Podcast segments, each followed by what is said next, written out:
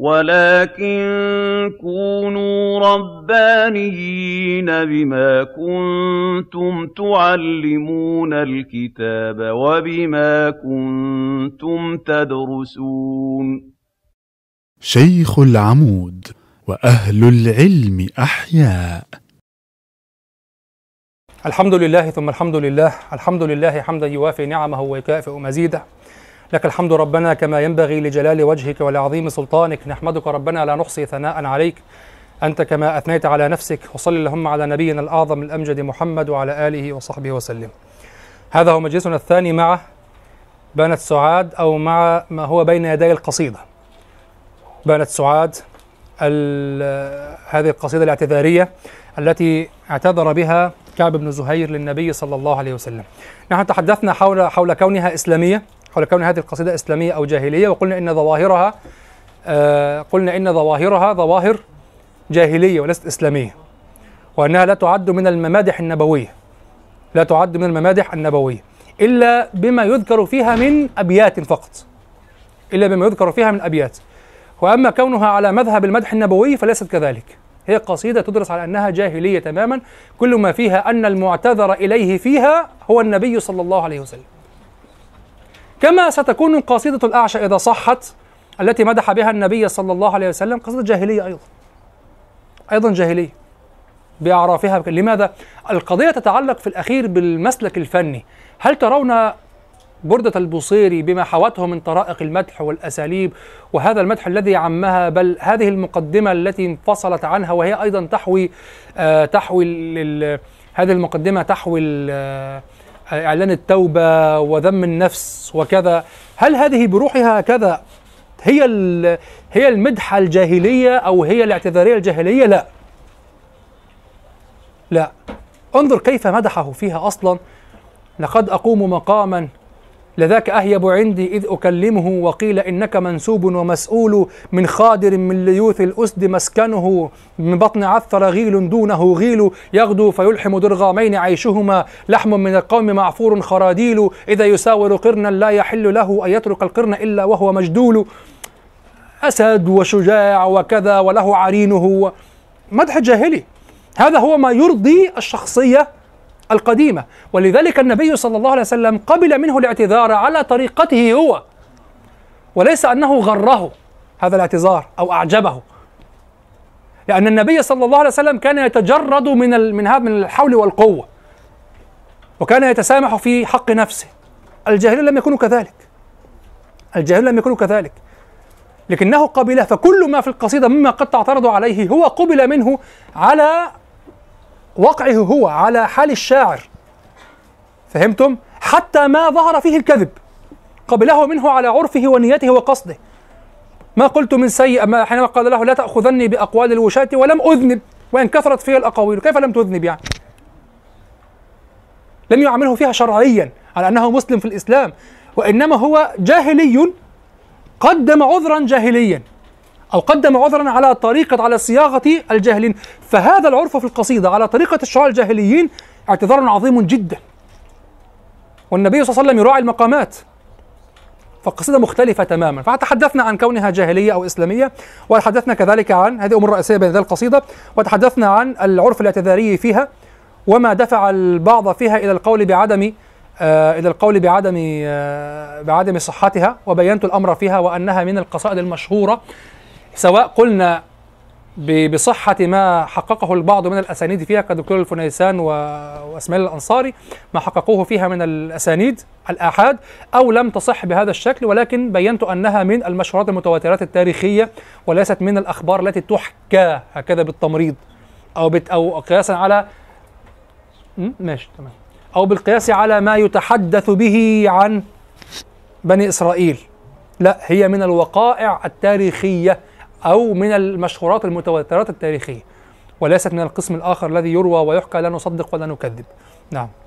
ثم تحدثت عن ضرورة أن نفهم عن خطر أهمية معرفة منهج القصيدة وأن بعض المفسرين القدماء وقعوا في الخطأ حول سعاد ولم ينتبهوا إلى أنها تقع ضمن سلسلة عمل تاريخي أدبي يؤثر بعضه في بعض ويتأثر بعضه من بعض وكلهم قالوا بنت سعاد في القديم فهو واحد من ضمن الشعراء الذين قالوا بنت سعاد.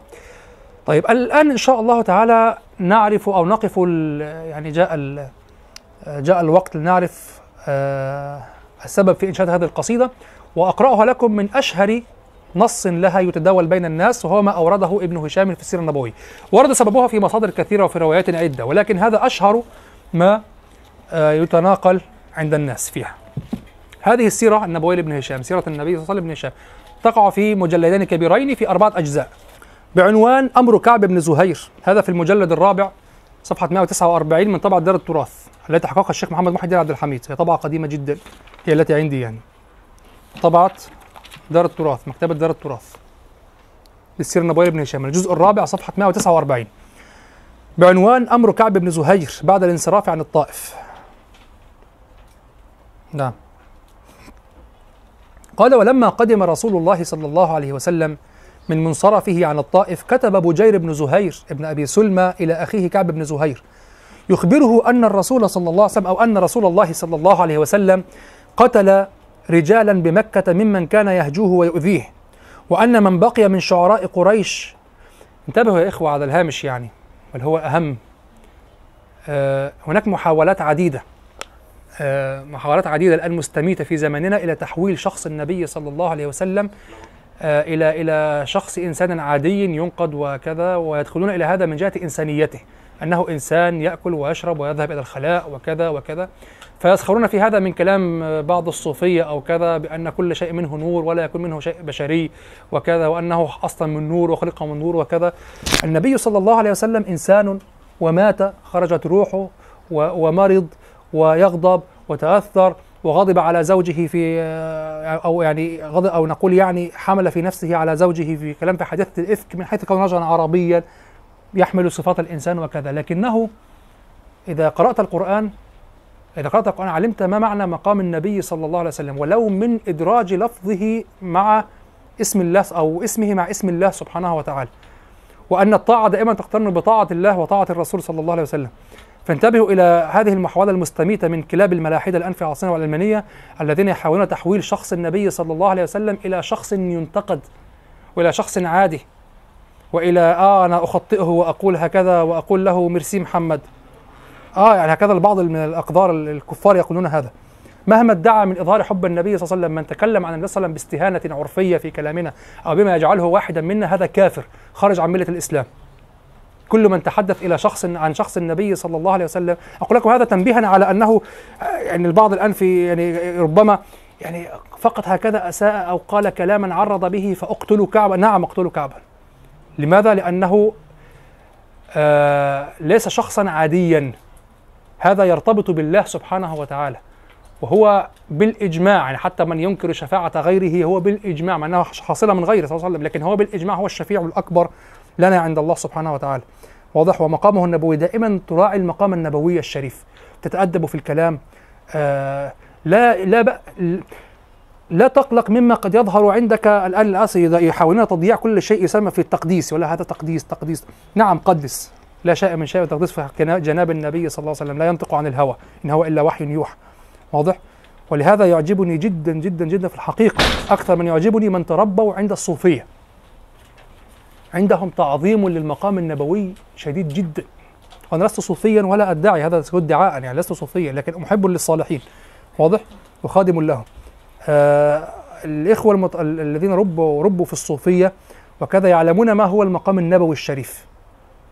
وحتى يتحدثون عن آل البيت وعن أبناء النبي صلى الله عليه وسلم حديثا وحتى من يرى منهم كفر والدي النبي صلى الله عليه وسلم أو كذا أو حتى يرون كفر عمه طبعا الذي مات لما مات مسلما وكذا. يتأدبون جدا في الحديث عن كل من يتعلق بالنبي صلى الله عليه وسلم. وكون الشخص كافرا لا يتيح لك أن تقول شيئا. لو كان النبي صلى الله عليه وسلم حيا لراجعت نفسك. بل ربما امتنعت. فلنتخيل أن عم النبي صلى الله عليه وسلم الذي يبكي النبي صلى الله عليه وسلم الآن لأنه مات غير مسلم وكان يحبه وقد حماه وكذا وكذا. فأنت تسخر الآن من الكافر. كافر مات مخلد في النار عليه بقى. لن تقول هذا. فالتأدب حتى مع غير المسلم ممن له علاقة بالنبي صلى الله عليه وسلم علاقة تهم النبي صلى الله عليه وسلم حتى لا تقول لي أبو لهب. ها ممن له علاقة بالنبي صلى الله عليه وسلم وعلقة علقة واضحة صريحة كانت تهم النبي صلى الله عليه وسلم هذا التأدب هذا من الدين من الشرع. فأنت خذ مساحة حول النبي صلى الله عليه وسلم تأدب معها شديدة سترى شيئا مسحة من التقديس في حق النبي صلى الله عليه وسلم محاولة الأنسنة الصرفة في حق النبي صلى الله عليه وسلم الآن هذا سيقود إلى الكفر بل هو أصلا لا يفعله إلا الكافرون. لا أحد مسلم لا يوقر النبي صلى الله عليه وسلم ويعظمه. لا أحد مسلم وأقصد مسلم يعني ليس مسلم الحق الكامل لا أحد مسلم يعني ينطق الشهادتين ولو ترك الصلاة لا لا يعظم النبي صلى الله عليه وسلم لا يحط من شأن النبي صلى الله عليه وسلم إلا غير مسلم والحط من الشأن يشمل أن يجعله واحدا عاديا يتحدث عنه هكذا باسمه أو بأنه شخص عادي. فهمتم؟ فاحذروا من هذا هذه محاولات مستميتة الآن. يعني للأسف بلادنا تخترق من التوجهات وبلاد الحجاز تخترق الآن أو اخترقت بالفعل أشد من هنا أيضا. التدين هنا أشد الآن. التدين في مصر أشد بكثير من هناك. البلاد هناك الآن كانت تعج مختنقة وتنفجر الآن. واضح؟ بالنظام الجديد الذي سيحدث في السعودية. سترون ما لا, ما لا عين رأت ولا أذن سمعت في الفترة القادمة. لكن مصر الحمد لله ما زالت هي ليست محمية عن طريق الأنظمة أو عن طريق الحكومات أو كذا لكن شعبها على درجة كبيرة من التدين وحب آل البيت وحب النبي صلى الله عليه وسلم وكذا ويرفض يعني الأصول المصرية الدينية الإسلامية ترفض المساس بهذه الشخصيات أو بالدين وكذا. فهمتم؟ فحافظوا على هذا وحاولوا أن ترمموا منه ما, ذهب لأنه ذهب كثير منه أو ذهب بعض منه حاولوا أن ترمموا منه ما ذهب. وأن يرجع كل شيء إلى مكانه. مقام النبي صلى الله عليه وسلم يرجع إلى مكانه كذا. لا تحاولوا أن محاولات وسائل التواصل الاجتماعي التي تسهل الحديث. يعني مثلا المبالغات في التعبيرات الأدبية. تحدثت عن هذا من قبل أثر هذه الوسائط على التعبير الأدبي. البعض يحاول أن يقترب من النبي صلى الله عليه وسلم فيبتدي يتكلم عنه بطريقة إذا زادت يعني يا حبيبي يا رسول ويتحدث عنه كأنه يحدث بصيغة الخطاب شخص. هذا إذا طال خشي منه العكس. فهمتم قصدي؟ لابد أن تظل مساحة التعظيم. والذي يقبل من هذا الود استثناءات تنسجم مع الود لكن إذا زادت عن حدها انقلبت ضدها. تفضل. عباس العقاد عبقرية محمد صلى الله عليه وسلم. أنا لا أحب العنوان. لا أحب العنوان. لا أحب العنوان في الحقيقة. يعني أنا أفهم قصده وألتمس لكن لا أحب العنوان. لا أقول الرجل فيه شيء. رحمه الله. أنا أقول لا أحب العنوان. يعني لو كنت مؤلفا كتابا كهذا ما وضعت هذا العنوان. يعني ربما أتحدث بالاسم المجرد في صياغة الكلام مما يوحي أن الكلام على لسان غيري. في جو ليس أكون أنا متحدثا عن النبي صلى الله عليه وسلم. فهمت هذا؟ مقام النبوة عظيم ومرعب. اخشى على نفسك يعني أن, أن, أن تجرح ولو جرحا صغيرا هكذا. فهو صلى الله عليه وسلم ليس موجودا حتى تعتذر منه. لو كان موجودا واعتذرت منه سيقبل. فتكون نجاتك عند الله. الآن ليس موجودا لتعتذر منه. ليس موجودا معك لتعتذر منه. وإذا ذهبت إلى قبره واعتذرت أو كذا لا تدري قبل أو لا. مشكلة معك. فاجعل مساحة طيب. ولما قدم رسول الله صلى الله عليه وسلم من منصرفه عن الطائف كتب بجير بن زهير بن أبي سلمى على أخيه كعب بن زهير يخبره أن رسول الله صلى الله عليه وسلم قتل رجالا بمكة ممن كان يهجوه ويؤذيه. وأن من بقي من شعراء قريش آه ابن الزبارة وهبيرة بن أبي وهب قد هربوا في كل وجه. طبعا سيكون ابن الزبارة بدلا من من من؟ وأن من؟ الذي هو يعني على عطف بدل أو عطف بيان قد هربوا من كل وجه. فإن كانت لك في نفسك حاجة إذا كنت خايف على روحك يعني فإن كانت لك في نفسك حاجة فطر إلى رسول الله صلى الله عليه وسلم فإنه لا يقتل رجلا أو لا يقتل أحدا جاءه تائبا. شوف. مهما توعده فإنه لا يقتل أحدا جاءه تائبا. وإن أنت لم تفعل فانجو إلى نجائك من الأرض. اذهب في الأرض بعيدا. وكان كعب بن زهير قد قال لما علم بإسلام أخيه إنه كان معه وقال له امكث مع الغنم وسأذهب أنا إلى إلى هذا الرجل أسمع منه فإن كان حقا اتبعته وكذا. فذهب ولم يرجع. أسلم. فأرسل هو إليه يخبره بإسلامه وكذا. فأرسل كعب إليه. والنص هنا لعله عند الباجوري يعني أنا قرأت النصين لعله يكون أجود يعني. ألا أبلغ عني بجير رسالة؟ نعم. آه يقول ألا أبلغ عني بجير رسالة؟ فهل لك فيما قلت ويحك؟ هل لك؟ أنت تعي ما تقول هل هذا الكلام لك؟ ألا أبلغ؟ انظروا قلت لكم من قبل قد أبلغ فلانا رسالة ألا أبلغ؟ عرف فني أيضا جاهلي. ألا أبلغ؟ ألا بلغ؟ ليس معناه أن الشاعر فعلا يح- يحمل رسالته. فمبلغ الأحلاف عني رسالة. قلت لكم هذا أسلوب يأتي به الشاعر لما يكون الخطاب عظيم. فكأنه يحمله البرد أو يحمله الركب. ألا أبلغ عني بجير الرسالة؟ مع أنها كتبت إليه أو حملت إليه شفاهة هكذا. لكن هو يعظم الرسالة. ألا أبلغ عني بجير رسالة فهل لك فيما قلت؟ ويحك هل لك؟ سقاك بها المأمون. كان النبي صلى الله عليه وسلم يعرف بالأمين والمأمون. فيقولها تهكما. سقاك بها المأمون كأسا روية فأنهلك المأمون منها وعلك. يعني سقاك من هذا الضلال كأسا روية يعني فأنهلك شربت شربة ثم زادك وعلك. ففارقت أسباب الهدى وتبعته. شوف حتى الهدى قديم. ففارقت أسباب الهدى وتبعته. على أي شيء ويب غيرك دلك؟ على أي شيء دلك؟ ويب غيرك كلمة تقال يعني تهلك هلاك غيرك يعني. كما هلك غيرك أو بذنب غيرك شيء من هذا القبيل. لكن أظن ويب غيرك معناه يعني تهلك كما هلك غيرك والله أعلم. ويكون عظيما يعني. ففارقت أسباب الهدى وتبعته على أي شيء ويب غيرك دلك على مذهب لم تلف أما ولا أبا عليه ولم تعرف عليه أخا لك؟ ما الذي عندك يعني؟ عندنا الديانة وعندنا الأخلاق وهذا بيت زهير المعروف. وهذا كعب بن زهير الغطفاني غطفاني معيشة وكذا إنما هو مزيني نسبا كما عرفتم في زهير. فإن أنت لم تفعل إذا أنت لم تفعل فلست إذا لم ت... يعني إذا لم تفعل ماذا؟ لم تفعل ما أرشدك إليه وهو الرجوع عن هذا الدين. فإن أنت لم تفعل فلست بآسف يعني لست بحزين عليك. فلست بآسف ولا قائل إما إما مكونة من إن وما. يعني إذا أنت يعني. ولا قائل إما عثرت لعن لك.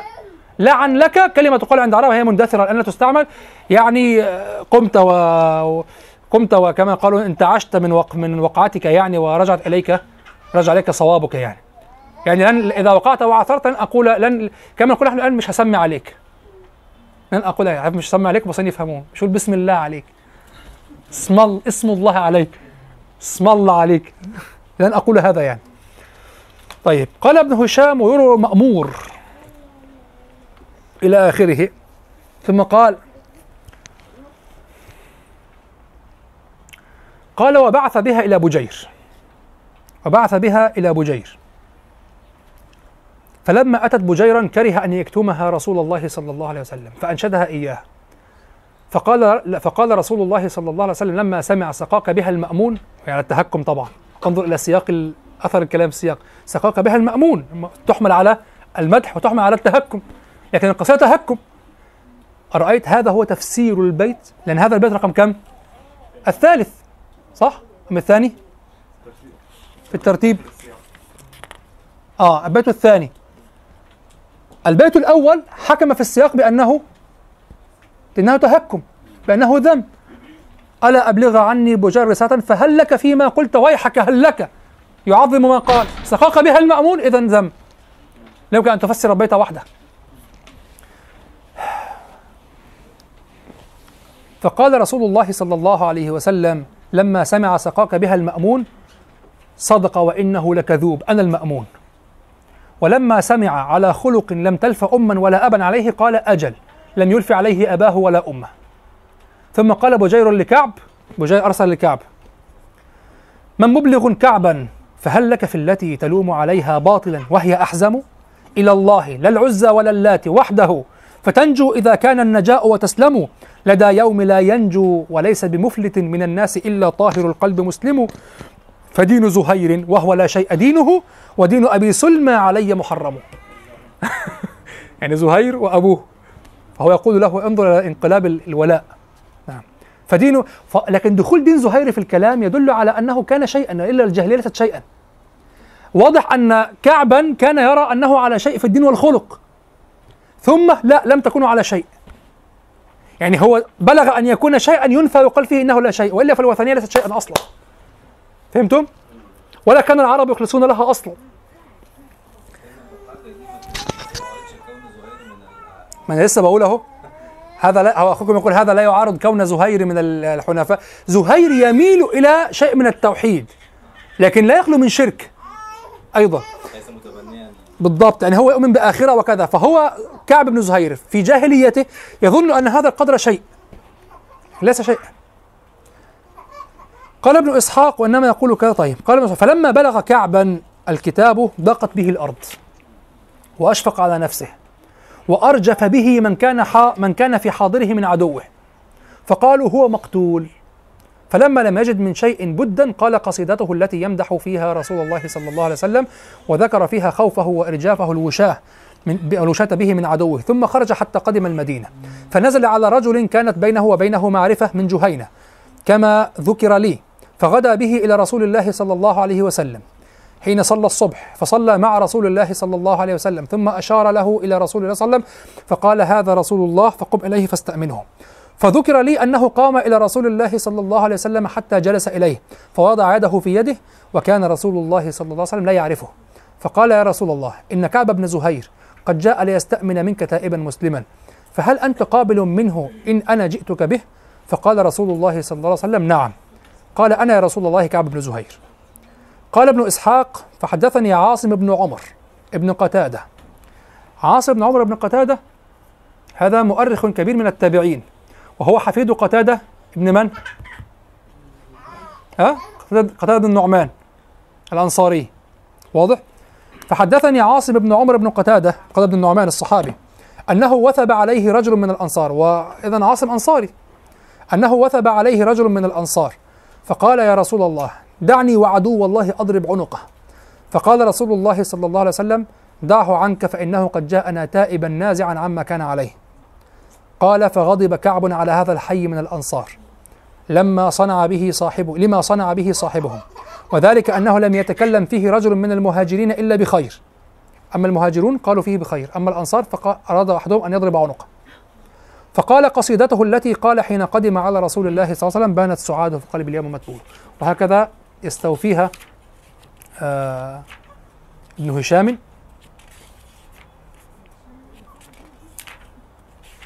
في الكلام.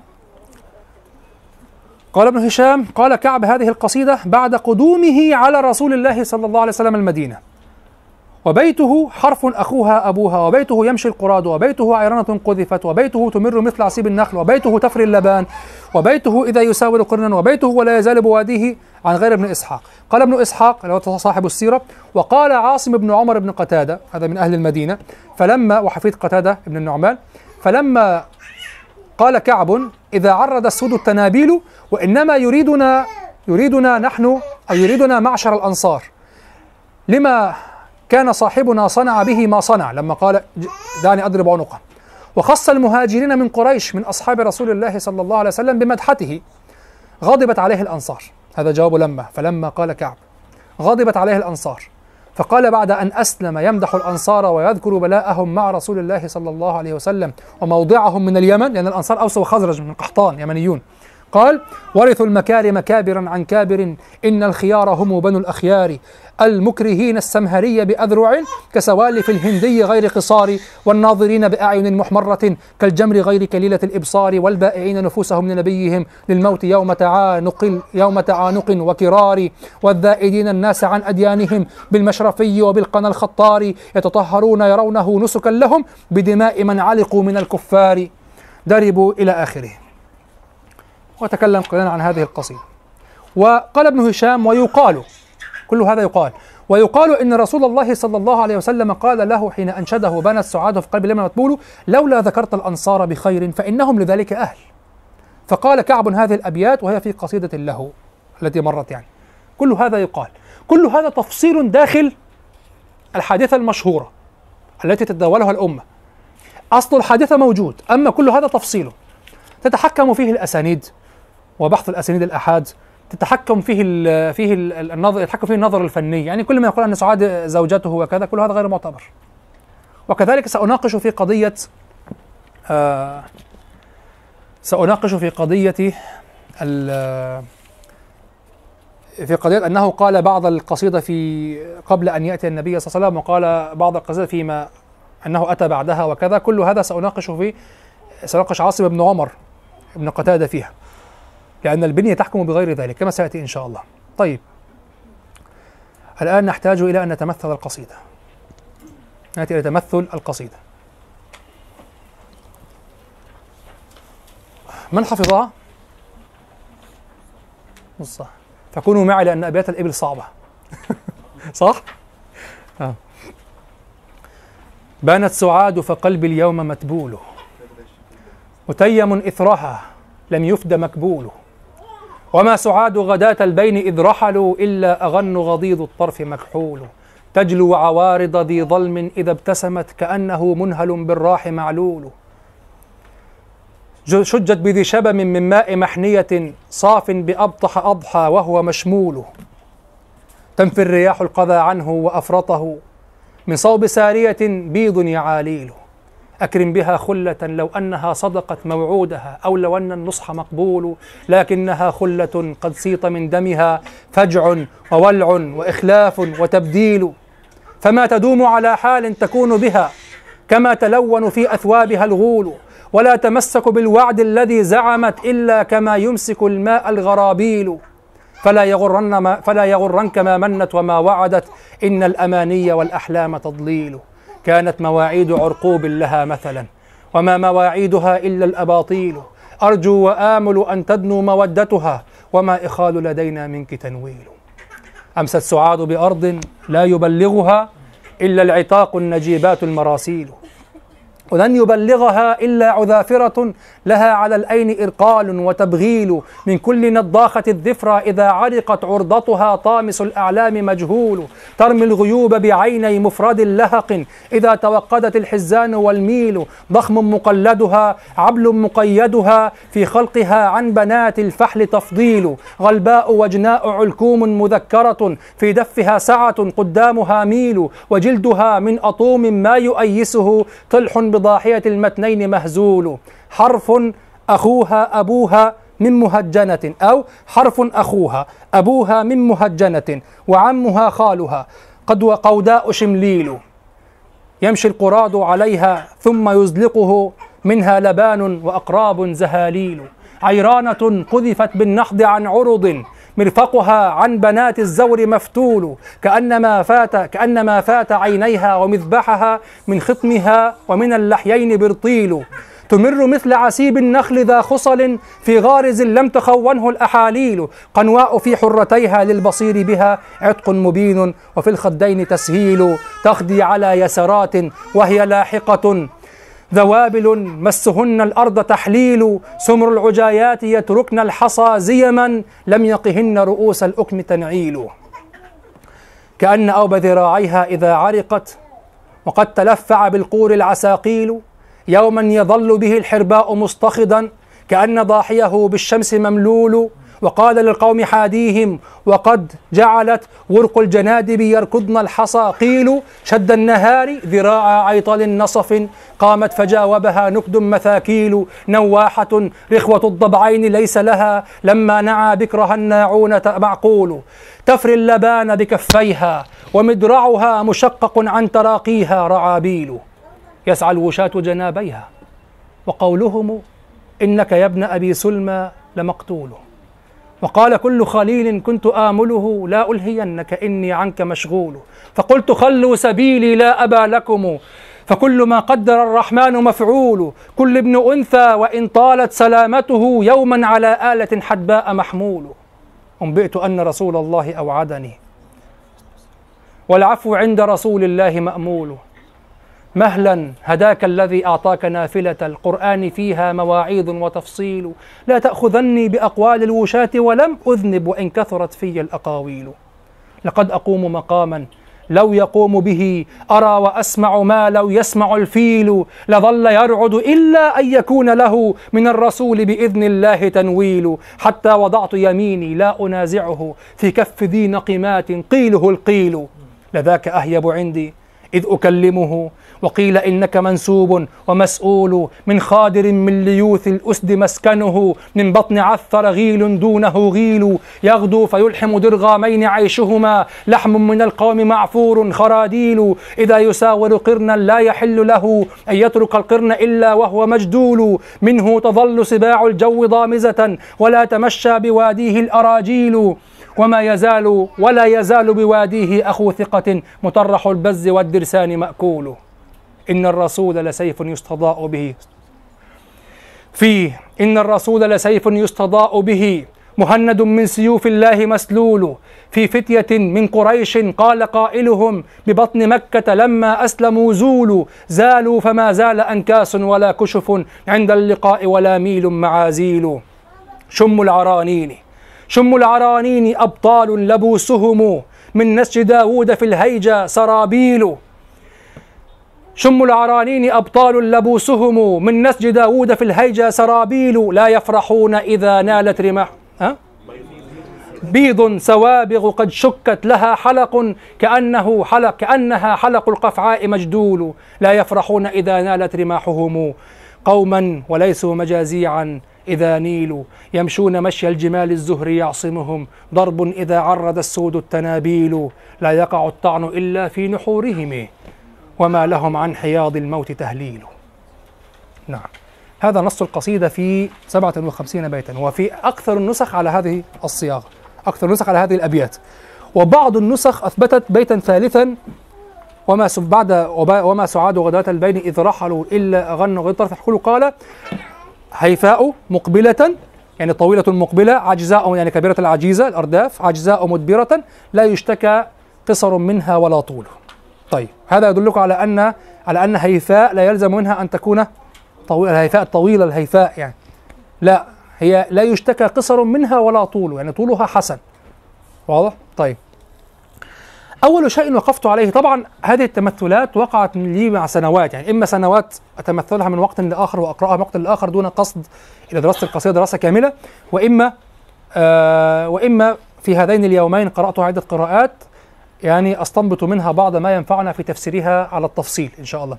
أول شيء وقفت عليه في هذه القصيدة شيء عجيب جدا أن هذه القصيدة معكوس النابغة الظبياني مع احتوائها نفس العناصر. غريب. نحن قلنا في بيت في معلقة النابغة هي أمام أعينكم الآن ولا نكتب؟ أمام أعينكم؟ أمام أعينكم صح؟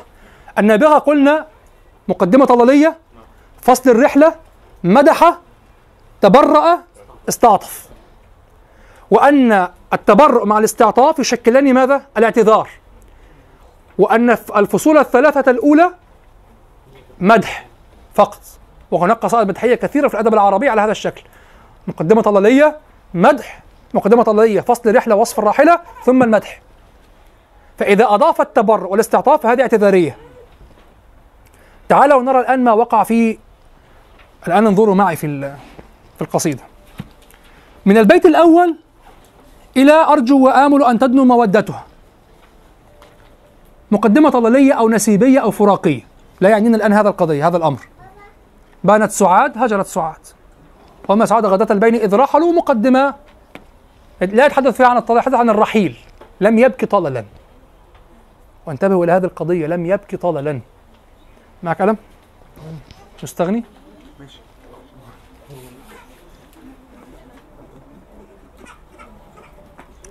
انتبهوا.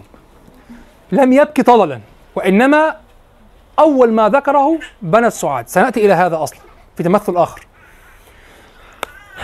أول شيء ألاحظه طبعا نحن نتدرج في التمثل. الذين طبعا حضروا معي شرح آل عم صباحا يفهمون طبقات التمثل. وتحدثت في محاضرة كاملة عن التمثل. تمثل القصيدة أن تبدأ في قراءتها قراءات تأخذ من السطح إلى الداخل. لأن السطح والمجمل هو الذي يحكم التفصيل. بعد أن يصنع التفصيل العمل أنت من جهة القراءة تفهم الوحدة وحدة العمل. فتقرأ الأول قراءات تستشف طبعا لا نحتاج هنا إلى أن نفهم غرض القصيدة. واضح جدا الغرض. ف فهمناه وفهمنا معه قدرا زائدا من القصيدة. بخلاف آل عيب صباح نحتاج أن نعرف الغرض. وربما نتمثلها عدة تمثلات لنعرف الغرض. واضح؟ أما هنا لا. غرض القصيدة واضح في الاعتذار. واضح جدا. خاصة وأن قصيدة النابغة وفرت علينا الكثير صح؟ النابغة وفر علينا الكثير انظر كيف الأدب يفسر بعضه بعضا. هذه ما يسمونه بنظرية التأثر أنا لا لا يعني الأدب الغربي أو نظرية الأدب الغربي.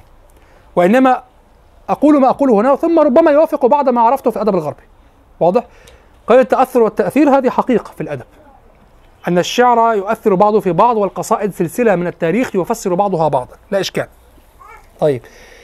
فنظرت فوجدت القصيدة قد. آه، قصيدة النابغة وفرت علينا الوقوف على الغرض والمسح العام للغرض وكذا. القصيدة واضحة جدا كأننا نقرأ وجها آخر لشخصية قريبة من شخصية النابغة ونفس الحال شخص معتذر إليه وكذا وهذا الشخص قد توعد صاحب القصيدة. هناك تطابق. ولعل كعب بن زهير والله أعلم في قبل إسلامه يعني يعني تفاءل بنجاح النابغة. فأخذ يضمن القصيدة من من محتوياتها. وأفلح الحمد لله. لكن لتقدير الله. نعم. طيب. أو لحب الله تعالى له إن شاء الله. فنرى المقدمة كما هي.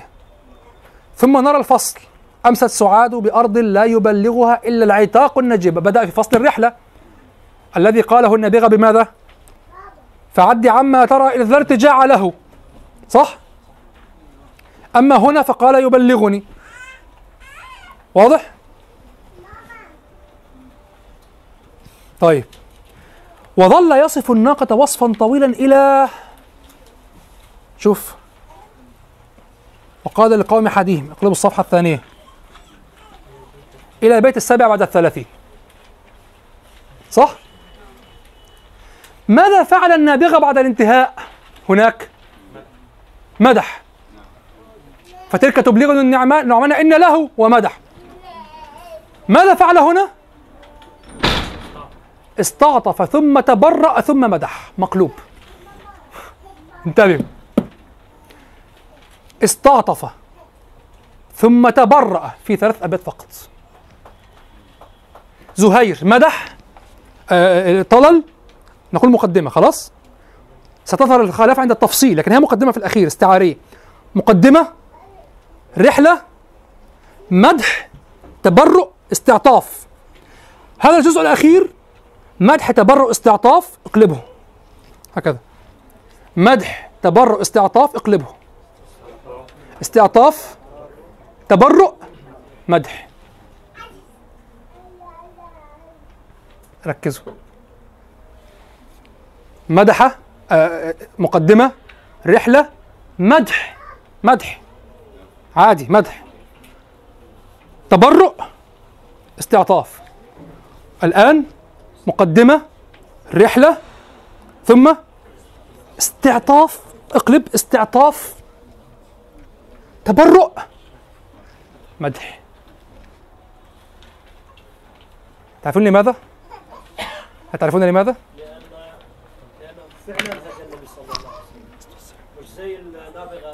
النابغة كان بريئا وكان جريئا في الكلام وفي قصائد أخرى قال له ماذا؟ في العينية أو في البائية. أتاني أبات اللعن أنك لمتاني كان جريئا وصريحا جدا فأنا لم أخطئ.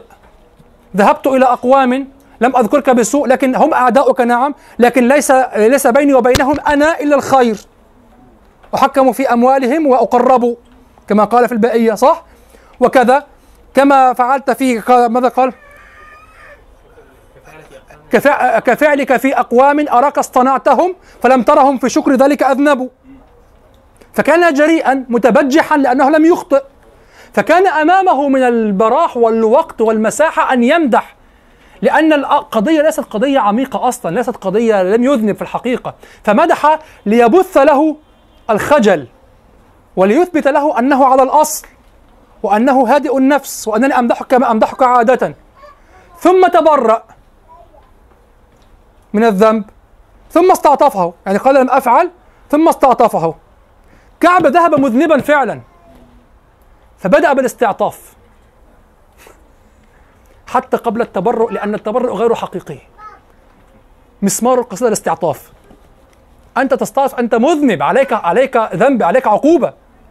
فأنت تستعطف القلب قبل العقل العقل هنا لا مكان له. ولهذا انظروا سترون في تمثل آخر التمثل الثاني. استعطف في بيتين وتبرأ في بيت واحد. لماذا؟ لأن الاستعطاف هو الأصل. لم يطله لم يطله لأنه فرع عن الخطأ أيضا هو أخطأ. فكأنه جاء على خجل. لكن التبرؤ من الذنب جاء على خجل أكثر. هذا البيت الواحد شوف التبرع والاستعطاف من البيت الثامن والثلاثين إلى البيت الأربعين. الثامن والثلاثون والتاسع والثلاثون استعطاف. يقابل ماذا عند النابغة؟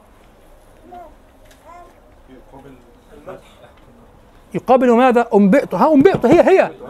هذان البيتان. شوف أنبئت أن رسول الله أوعدني. والعفو عند رسول الله مأمول مهلا. هداك الذي أعطاك نافلة القرآن فيها مواعظ وتفصيل.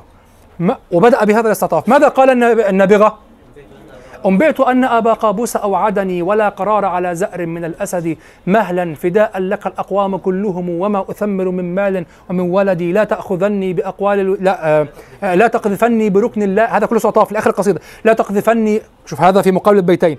لا تقذفني بركن لا تقذفني بركن لا كفاء له. وإن تأثفك الأعداء بالرفد فما الفرات إذا هب الرياح له. ترمي غواربه العبرين بالزبد. يمده كل واد مترع لجب. فيه ركام من الينبوت والخضد.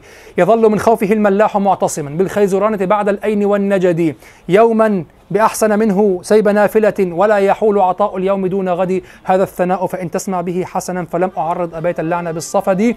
ها إن ذي عذرة إلا تكن نفعت فإن صاحبها مشارك استعطف في تسعة أبيات. وأخرها في الأخير ليحرجه بعد تقديم المدح. هنا استعطف في بيتين لأن الاستعطاف أيضا فرع عن الخطأ وعدم الخطأ. والتبرؤ. بيت واحد. لأنه جاء على استحياء بيت اعتذار صوري تبرؤ صوري ليس حقيقي. تبرؤ يقدم به كفنة. النابغة ماذا يقابل هذا البيت عند النابغة؟ ماذا يقابله؟ احكم كحكم ف... انظر. احكم كحكم ف... ويقسم. هنا لا تخيلوا أنه الآن يقسم. قول ما عملتش واخلص وعدي وخلاص. وخلاص ونستحي إن تتعاقب وتقبل وخلاص. إنما تقعد تستهبئ لا. طبعا ليس هذا في نموذج يعني الذي يفعل هذا. هذا نموذج في الخارج ليس الصحابه رضي الله عنهم يعني شخص أخطأ فعلا وجاي تعتذر ما تطولش بقى. صح؟ ما تطولش. خلاص قول ما عملتش والموضوع خلص وإحنا عدينا لك يعني. هذه هذا نفس الشعور نفس الثقافة التي وقعت في هذه القصيدة. لأنه أخطأ. وكان يستحق العقاب على هجائه النبي صلى الله عليه وسلم والتعرض للنبي صلى الله عليه وسلم. واضح وأهدر دمه. تعرف معنى أهدر دمه؟ الذي جاء لهداية الخلق أصلا أهدر دم إنسان.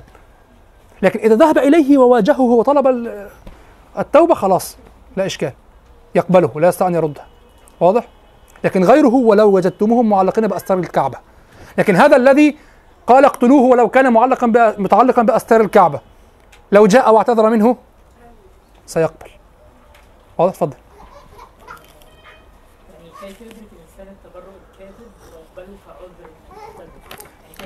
نعم هذا التبرؤ الكاذب يساوي بالإشارة الشعرية عند العرب والثقافية ولهذا ثقافة النص مهمة جدا. دائما أقول لابد من دراسة البيئة الثقافية للغة وللمجاز في هذه اللغة. هذه الكلمة عندهم تعني أنه هو أذنب وكل العالم يعرف. والصحابي الذي قام قال دعني أضرب عنقه يعرف. يعني هو يعرف الحديث ونحن لا نعرف عين الصحابي من الأنصار لا نعرف عينه. لكن هو يعرف أنه هجا النبي صلى الله عليه وسلم فمشهور هذا الهجاء. واضح؟ فهو أذنب فهو والجلوس والنبي صلى الله عليه وسلم يعرفون فهذه الجملة تعني بالسياق العرفي عندهم أنا غلطان أنا لا فقط أنا حديث في في مقام صحابي لا أريد أن يعني أعبر تعبيرات عامية مبتذلة يعني لكن نعتبرها في أنا يعني في إزاي؟ أنا غلطان أنا صغير واضح الكلام؟ اتفضل يعني هو هو لا هو ليس شرط أن يكون صادقا هو معذره هو صادق هو صادق باعتبار أنا صادق في المقام لا يتحمل. هو يشبه المجاز أو هو مجاز أو إشارة للمعنى. هو صادق أنه يعتذر. ما الذي حكم بذلك؟ عرف اللغة. إذا جئت تقول له لم أفعل. والله ما عملت يا باشا. مثلا عندنا والله ما عملت هو عارف إنك عامل وشافك وكذا. طب يلا يلا. يعني في في صورتها العامية المبتذلة عندنا يعني. حسن الخلق طبعا. وبقي الآن في الصعيد ما يسمى بثقافة تقديم الكفن. أنت عليك ثأر. وتدخل الشيوخ والرجال الكبار وكذا لإنهاء هذا الدم السائل. فالذي عليه الدور يقدم كفنه. يعني يذهب يحمل كفنه هكذا هكذا يحملوه. يذهب هكذا و ورأيت مشهدا يعني في, في تمثيل لا أدري حقيقة أو لا أنه ينام ويذبح بجواره خروف. بدل أن يذبحه هو. أو يقدم كفنا ولذا فمن قدمه لصاحب خلاص أنا قدمت لك كفني فأنا أمامك كأنك تقتلني وتكفرني خلاص. قدمت لك الكفن. هذه فيها نوع مهانه لكن يفعلونها لعصم الدماء وحبس الدماء. تدخل الكبار. الشيخ أحمد الطيب حفظه الله دائما كان يتدخل في قضية قضية يعني هو من الصعيد رجل صعيدي صعيدي يعني. يتدخل في في حقن الدماء يجعل البعض يقدم كفنه وكذا ويصالح بين الأطراف وكذا. رجل كبير له مكانة ليس شيخ الأزهر فقط هو أيضا له مكانته يعني في هذه البلاد. واضح؟ ف كتقديم الكفن لو أنك قتلته في هذا الوقت ليس عيب فقط. ليس عيب فقط انت عليك حقوق أصلا ربما تحيي الدماء مرة أخرى وأنت المخطئ هذه المرة. فهمت؟ كذلك في عرفنا الآن اللي يجي لك معتذر وأنت عارف إنه عمل وهو عارف إنك عملت وهو عارف إن أنت عارف فيعتذر ده نوع انكسار. دية الذنب لا اعتذار لا لماذا أنا شوف أنا بعض الناس يعتذر يتكبر على الاعتذار. لأن الاعتذار فعلا فيه مذلة.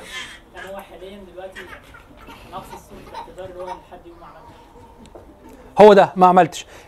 ما معنى لم أفعل؟ أنا خائف للدرجة التي قلت فيها ما أعرف وتعرف لست الحقيقة. رأيت إلى اي حد أنا خائف منك؟ بخلاف أيوه عملت. أنت عايز الدم يستمر. لكن ما عملتش. وأنت عارف إنك عملت. وهو عارف إن أنت عارف وأنت عارف إن هو عارف إن أنت عارف. العلاقه دي صحيحة. اللي بينبني عليها الكلام. يعني أنت عارف إن هو عارف إن أنت عارف. فلما تقول له مع ذلك ما عملتش كأنك بتقول أنا مرعوب منك. فبكذب. فهمت الكلام؟ فليس كذبا على الحقيقة ليس كذبا على الحقيقة وإنما عرف لفظي شعري ولذلك قبل منه. واضح؟ فاختزله هنا. هذا البيت يقابل عند النابغة ماذا؟ آه النابغة أصلا أطال في ماذا؟ النابغة ظل يتحدث عن عن الحكم. هل هل كان يليق هنا؟ تخيلوا معي الآن لو أن كعب بن زهير استلهم النابغة في أحكم كحكم فتاة الحي وأحكم حكما عادلا لا لا حكم عادل تعالى. صح؟ الاولاني ما كانش ما كانش. خلاص انت أنت قل لم أفعل وامشي. لا تحاول أن تثبت أنني مخطئ لأنك تعلم أنني أعلم. فهمت؟ هذه ثقافة القصيدة ولهذا اختصر جدا. لا تأخذني بأقوال الوشاة ولم اذنب وان كثرت فيه الأقاويل. تشعر تبرؤ على استحياء. تبرؤ سريع. نفي سريع لل- للذنب. وأنت ذهبت مذنبا أصلا والجميع يعلم أنك مذنب. وهذا الذي قام ليضرب عنقك يعلم أنك مذنب. نحن لا نعرفه لكن يعلم ذنبك لأنه شهر واضح؟ وهو ذهب يعني لو كان الكلام مع النبي صلى الله عليه وسلم فقط وليس مع لا هو قال اضربوا عنقه أو اقتلوه لو وجدتموه. واضح؟ فخلاص صار معروفا أنه أخطأ في حقه وكذا والموضوع منتهي. هو فعلا أخطأ في حقه. والنبي صلى الله عليه وسلم يوحى إليه وليس أنه يعني يخطئ في الدماء بهذا الشكل. واضح؟ فاتفضل. هل كان ممكن ما يريدش البيت بيت الاعتذار ده؟ كان ممكن لا يريده أصلا؟ من الكمال أن يورده. أخوكم يقول كان من الممكن أن يستعطف دون ذلك وأن يطيل الاستعطاف جدا؟ وبعدين يمدح وخلاص كده ويفهم من الكلام. يفهم. لكنه لن يصل إلى حركة ال- ال- المذلة الشديدة في الانكسار بنفي الذنب المعروف من السياق أنه وقع. فهمتم؟ معروف أن الذنب وقع. فلم هذا. وسيرتعد الآن أصلا. سيرتعد. قلت لهم قصيده جاهليه قصيدة جاهلية بالفعل بكل معناها جاهلية. ليست حبا صوفيا وكذا. لا قصيدة جاهلية ليست حبا اسلاميا صوفيا له أحواله وظروفه الخاصة. طيب هذا البيت ماذا يقابل عند النابغة؟ عدوا في ما يقابل البيت الواحد. أحكم كحكم فتاة الحي إذ نظرت إلى حمام شراع وارد الثمد. يحفه جانب نيق وتتبعه مثل الزجاجة لم تكحل من الرمد. فقالت ألا ليت ما هذا أنت يعني أنت مصمم وتدعو قصة عشان أتمثل بها و و و وتصدق علي أجزاؤها. فقالت ألا ليت ما هذا الحمام لنا إلى حمامتنا ونصفه فقدي. فحسبوه فألفوه كما حسبت تسعا وتسعين لم تنقص ولم تزد فكملت مئة فيها حمامتها وأسرعت حسبة في ذلك العدد. فلا لعمر الذي مسحت كعبته وما هو والقسم. فلا لعمر تخيلوا القسم هنا. في ظل رجل أذنب فعلا. فلا لعمر الذي مسحت كعبته وما هريق على الأنصاب من جسدي. والمؤمن والله والمؤمن العائذات الطير يمسحها ركبان مكة بين الغيل والسعد.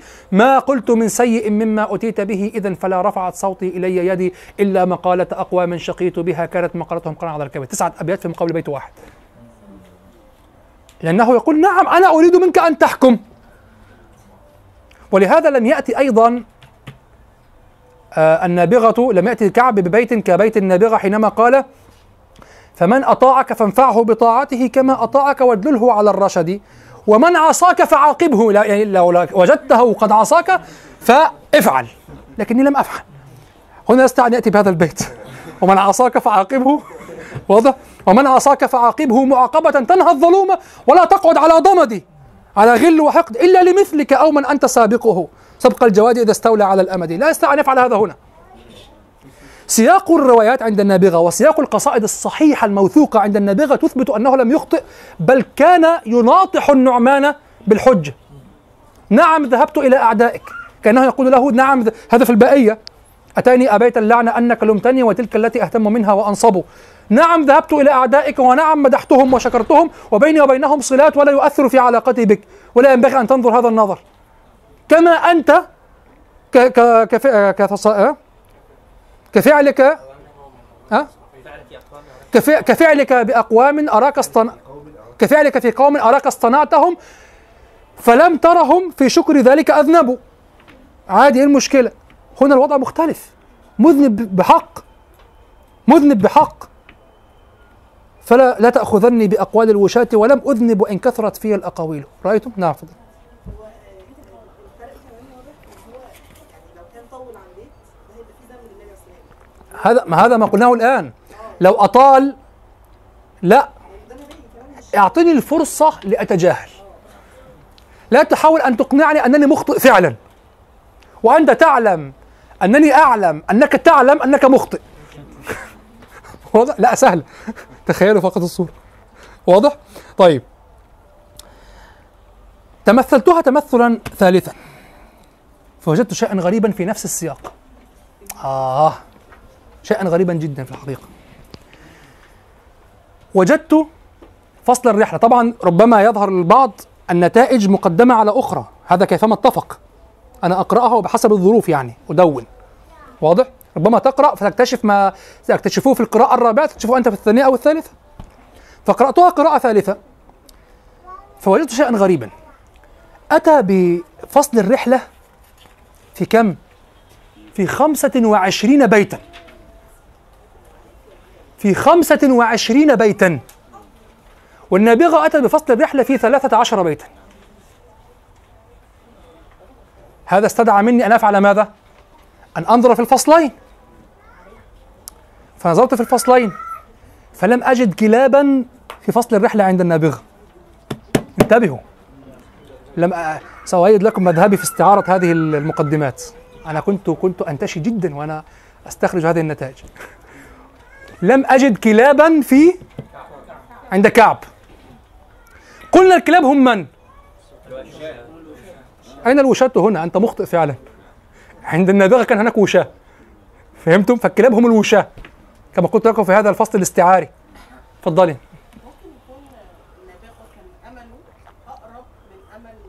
كعب طبعا. هذا حقيقة. النابغة كان أمله أقرب من أمل كعب. لم يكن مخطئا. وسأبين لك لماذا طال فصل الرحلة خمسة في خمسة وعشرين بيتا والنابغة أتى فيه في 13 بيتا. انظر إليه في النابغة. ماذا فعل النابغة؟ مع أن الحيوانات والكائنات عند النابغة أكثر. لكن ظهر الكلاب للنابغة لل- لل- للثور قتلهم الثور وانتهى. فتلك تبلغني النعمان. قال فعد عما ترى إذ لا ارتجاع له وانمي القتود على عيرانة أجدي مقذوفة بدخيس النحض بازل أيضا مقذوفة. مقذوفة. عيرانة قد عيرانة قذفت بالنحض بالنحض شوف حتى في التفصيل أخذ منها. كأنه كان يتفاءل بها والله أعلم. مقذوفة بدخيس النحض بازلها له صريف صريف القاع بالمسد. كأن رحلي وقد زال النهار بنا يوم الجليل على مستأنس وحدي من وحش وجرة موشي أكارعه. طاوي المصير كسيف الساق للفرد. فأسرت عليه أسرت عليه من الجوزاء سارية تجزي الشمال عليه جامد البرد فارتاع من صوت كلاب فبات له طوع الشوامة من خوف ومن صرد فبثهن عليه واستمر به سمع الكعوب بريئات من الحرد وكان دمران منه حيث يوزعه. طعن المعارك عند المحجر النجدي. رجحنا النجدي وقلنا النجدي الشجاع أو النجدي المكروب والمتعب. واضح؟ شك الفريصة بالمدرى فأنفذها. طعن المبيطر إذ يشفي من العضد. كأنه خارجا من جنب صفحته سفود شرب نسوه عند مفتأد فظل يعجم أعلى الروق منقبضا في حالك اللون صدق غير ذي أود. لما رأى واشق إقاص صاحبه ولا سبيل إلى عقل ولا قود. قالت له النفس إني لا أرى طمعا وإن مولاك لم يسلم ولم يصده فتلك تبلغني النعمان إن له فضلا على الناس. وبدأ في المدح. واضح؟ ماذا فعل الزهير؟ ناقة نابغة التي شبهها بالثور كانت ناقة قوية واثقة من نفسها. والثور كان قويا وواجه المشكلات وواجه الكلاب وقتل الكلاب أو قتل أحدهم وهرب الكلب والكلاب كلمت نفسها. وانتهى. ظهرت كلاب قتلها صارعها في لحظات قليلة انتهى الأمر وشمت في الكلاب. الكلب كان كقطع اللحم الموضوعة في سفود شرب نسوه عند مفتأده انظر إلى المهانة والاستهانة وال وال وإنهاء وإنجاز الأمر. وانظر إلى تناسق هذا مع حال النابغة الحقيقي في القصيدة. تعال إلى ناقة زهير الناقة المذنبة. ناقة مذنبة. ماذا قال؟ بانت سعاد بأرض لا يبلغها إلا العتاق النجيبات المراسيل. ولن يبلغها إلا عذافرة لها على الأين إرقان وتبغيل. من كل نضاخة الذفرى إذا عرقت عرضتها طامس الأعلام مجهول. ترمي الغيوب. هو ذهب لا يدري أيقتل؟ لأنه لو أدركه أحد من الصحابة قبل الوصول إلى النبي صلى الله عليه وسلم قتل. ومهدور دمه. الغيوب ما قالوا ما غاب وراء الكثبان الرملية في الشروح قالوا ما غاب وراء. يعني ترمي الغيوب بعيني مفرد بعيني يعني آه ثور أفرد فصار صار صيدا للوحش بعيني مفرد لهق أبيض وعينه سوداء. إذا توقدت الحزان والميل تحت شمس حارقة. وإذا هنا تجعلها ظرفا لترمي الغيوب. يعني تمشي حتى مع الحر الشديد. لا تتوقف عن السير. وأخذ يصف قوتها وكذا ثم قال كأن أوب ذراعيها إذا عرقت وقد تلفع بالقور العساقيل يوما يظل به الحرباء مستقدا إلى آخره. يعني ظل يصف اليوم بشدة الحر الشديد وهي تمشي في هذا الحر الشديد شد النهار. هذا آخر الظروف. شد انظر كأن أوب ذراعيها إذا عرقت. متى؟ وقد تلفع بالقور العساقيل يوما يظل به الحرباء مستخضا كأن ضاحيها جلده بالشمس كأن شوف الحرباء كأنها مشوية. كأن ضاحيه بالشمس مملول. وقال للقوم حاديهم وقد جعلت ورق الجنادب يرقدن الحصى قيلوا وهي الآن تجري وتعرق. شد النهار في عز النهار. كأنها ماذا؟ ذراع عيطال كأنها ذراع امرأة عيطال نصف امرأة طويلة في منتصف العمر ذراع عيطل نصف قامت تلطم فجاوبها نقد مثاكيل. رأيتم؟ نواحة رخوة الضبعين ليس لها لما نعى بكرها ابنها الأول. الناعون معقول مجنونة جنت. هذا يصف الناقة فقط؟ فهمتم الاستعارات والإشارات؟ كأن أوب ذراعيها إذا عرقت. لابد أن تركب الصورة على بعضها وتتذكر الصورة إذا عرقت وقد تلفع بالكور العسى حتى أنا وضعت الصورة في صورة الغلاف عندي في فيسبوك وجدتها تشابه يعني هذا يجري بالناقة كأنه هو الذي يسوقها. واضح؟ كأن أوب ذراعيها كأن أوب ذراعيها إذا عرقت وقد تلفع بالقور العساقيل يوما يظل به الحرباء مستخضا كأن ضاحيه بالشمس مملول وقال للقول هذا ظرف اليوم.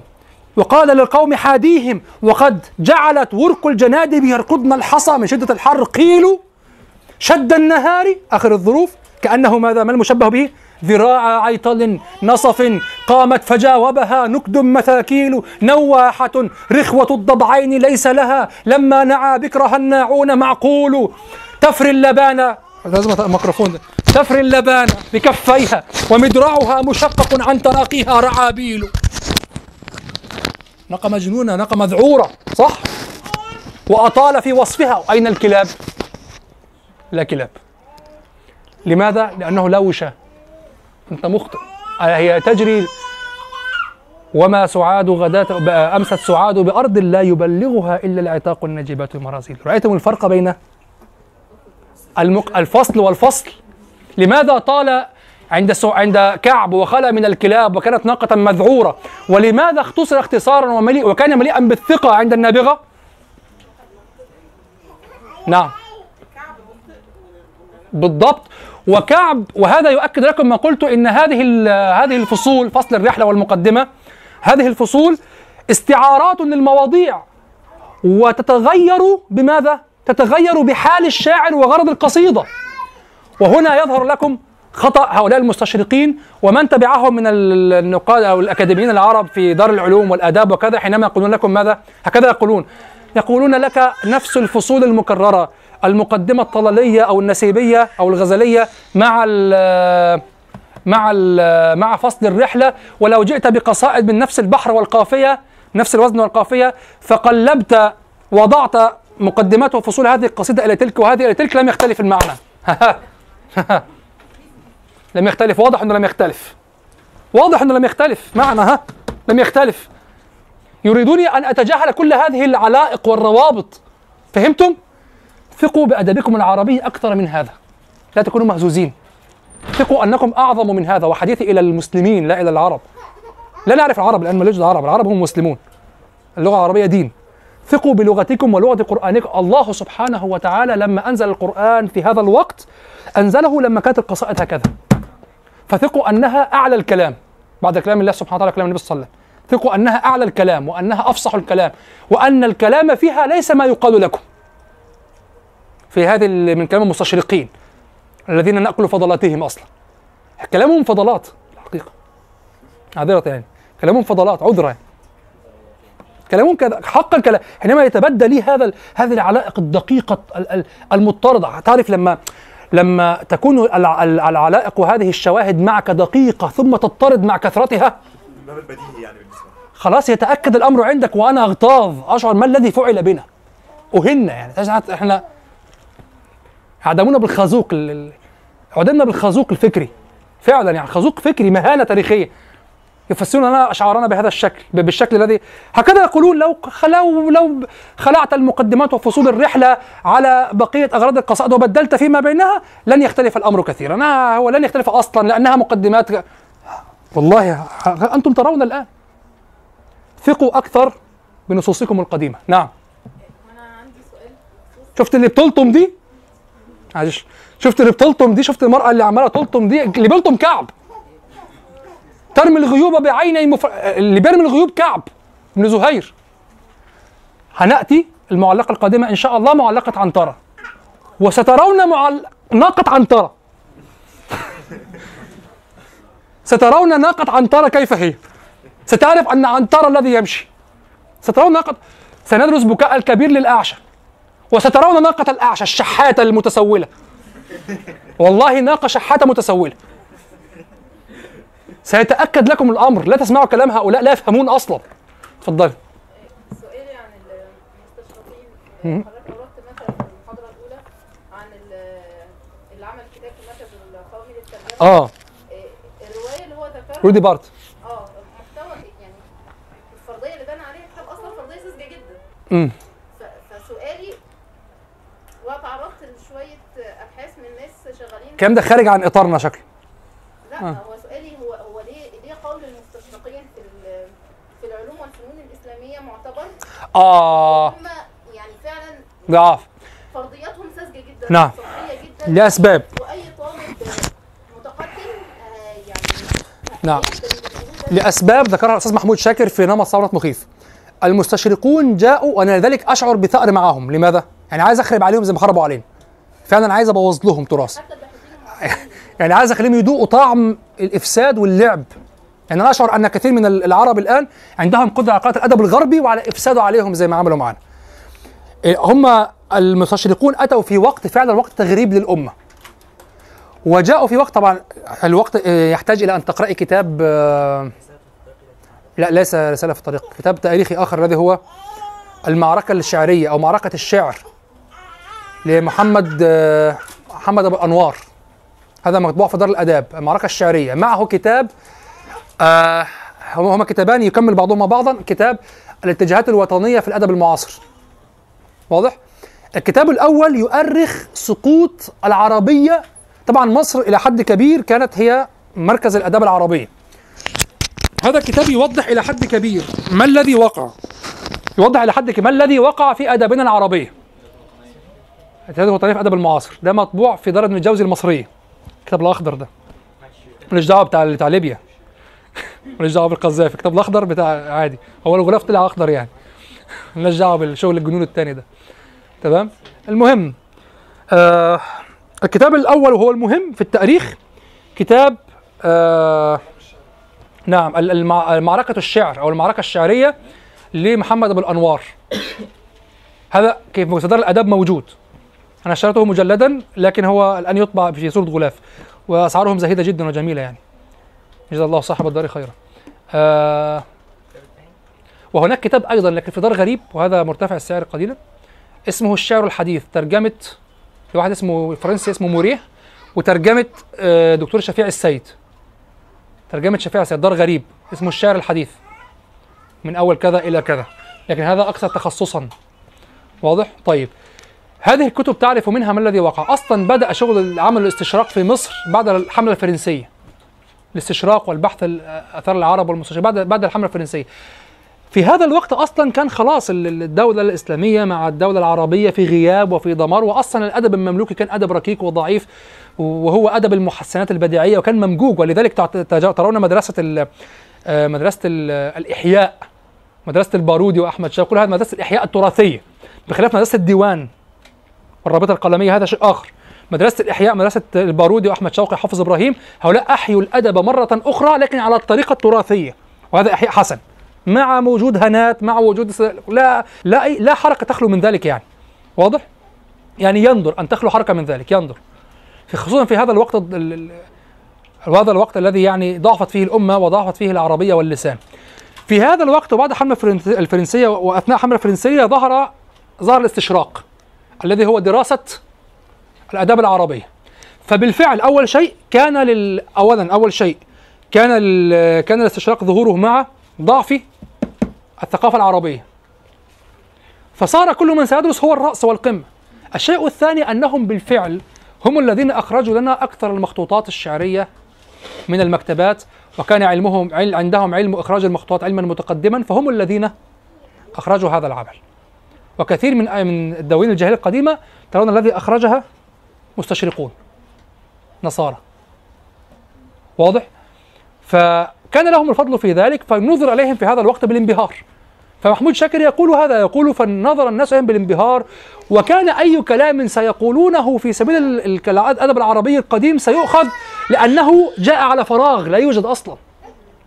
جاء أصلا بعد اندثار حتى الأدب المملوكي المتأخر والادب العثماني والدولة العثمانية لغة ضائعة أصلا. في اللغة ضائعة. واضح؟ فجاء هذا ال- الاستعمار الجديد الذي هو الاستشراق استعمار فكري وجاء ولذلك أقول أشعر بثأر معهم. لماذا؟ أنت جئت إلى أمة تعلم من أحوالها الوقوع. فلماذا وثقت في مستواك وحدثتهم بما تدركه أنت؟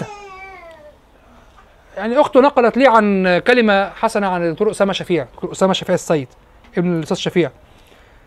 أنه كان في مناقشة مع طالبة وكذا وقال لها لماذا تثقين كثيرا في كلام المستشرقين؟ هم في لغتنا كشخص مبتدئ في الإنجليزية في لغتهم يعني أنا مثلا أقرأ الإنجليزية مثلا. لكن لا أستطيع أن أتذوق أدب الإنجليزي.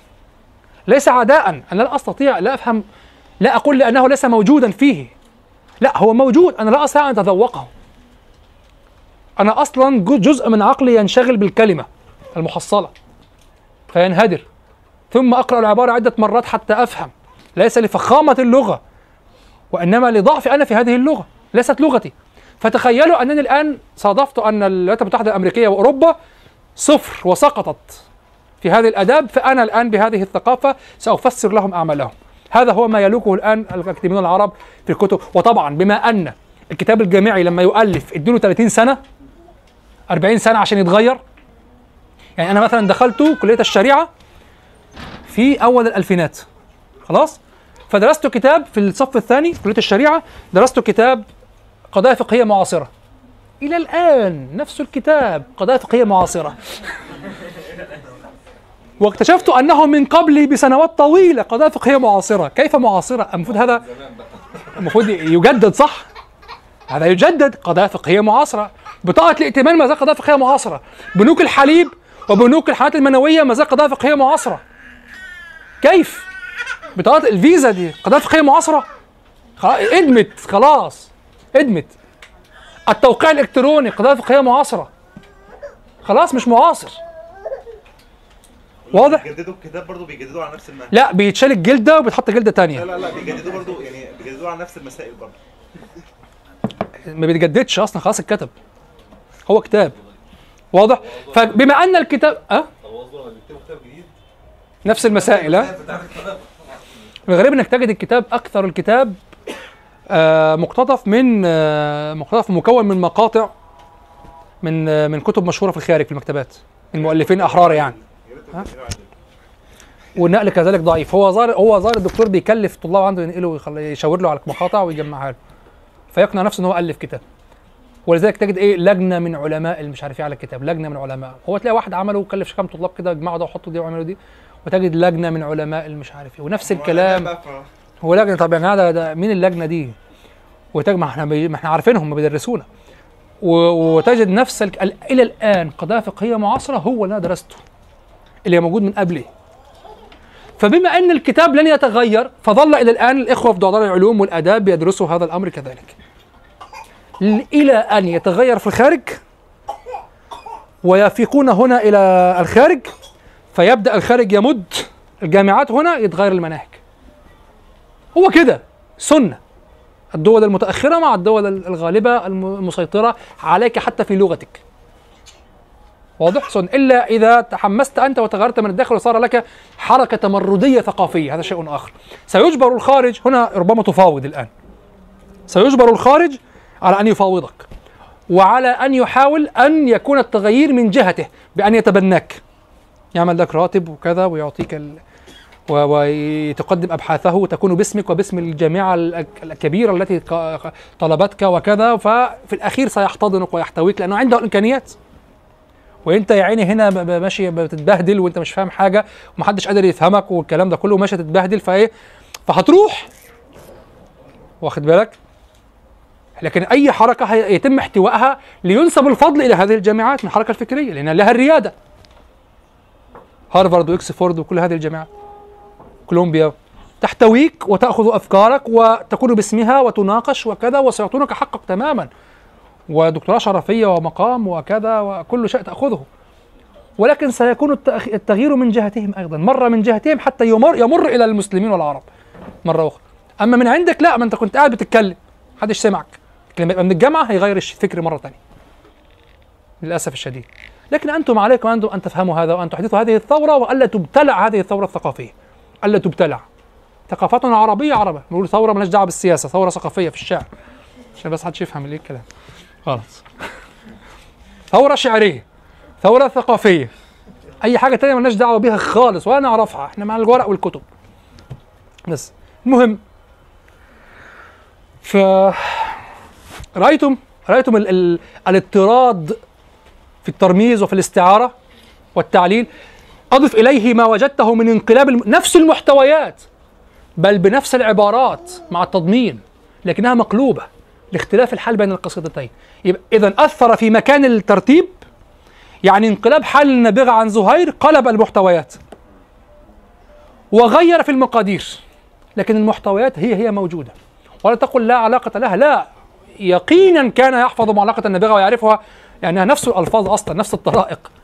انبئت أن مهلا والتشبيه بالأسد والاعتذار ال- ال- من المرتعب وكذا. واضح؟ هو هو كد هو كأنها ابنها كأنها بنتها. أنا قلت كأنها بنتها. طيب. ثم آه شيء خطير جدا الآن في هذه القصيدة.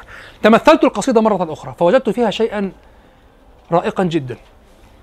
انظروا توجد روابط لغوية في القصيدة؟ انظروا إلى البيت الثالث عشر. كان يتحدث عن سعاد صح؟ سعاد. أو لنقل لنضطرد في نفس الباب لا لحظة لحظة. نضطرد في نفس الاستقراء ل... ل... في داخل الفصول. نحن عشنا قليلا مع فصل الرحلة صح؟ تعالوا نعيش مع المطلع. مع انظروا يا الله العظيم غريب. الاضطراد غريب. نعيش مع المطلع. المطلع ماذا قال النابغة في المطلع؟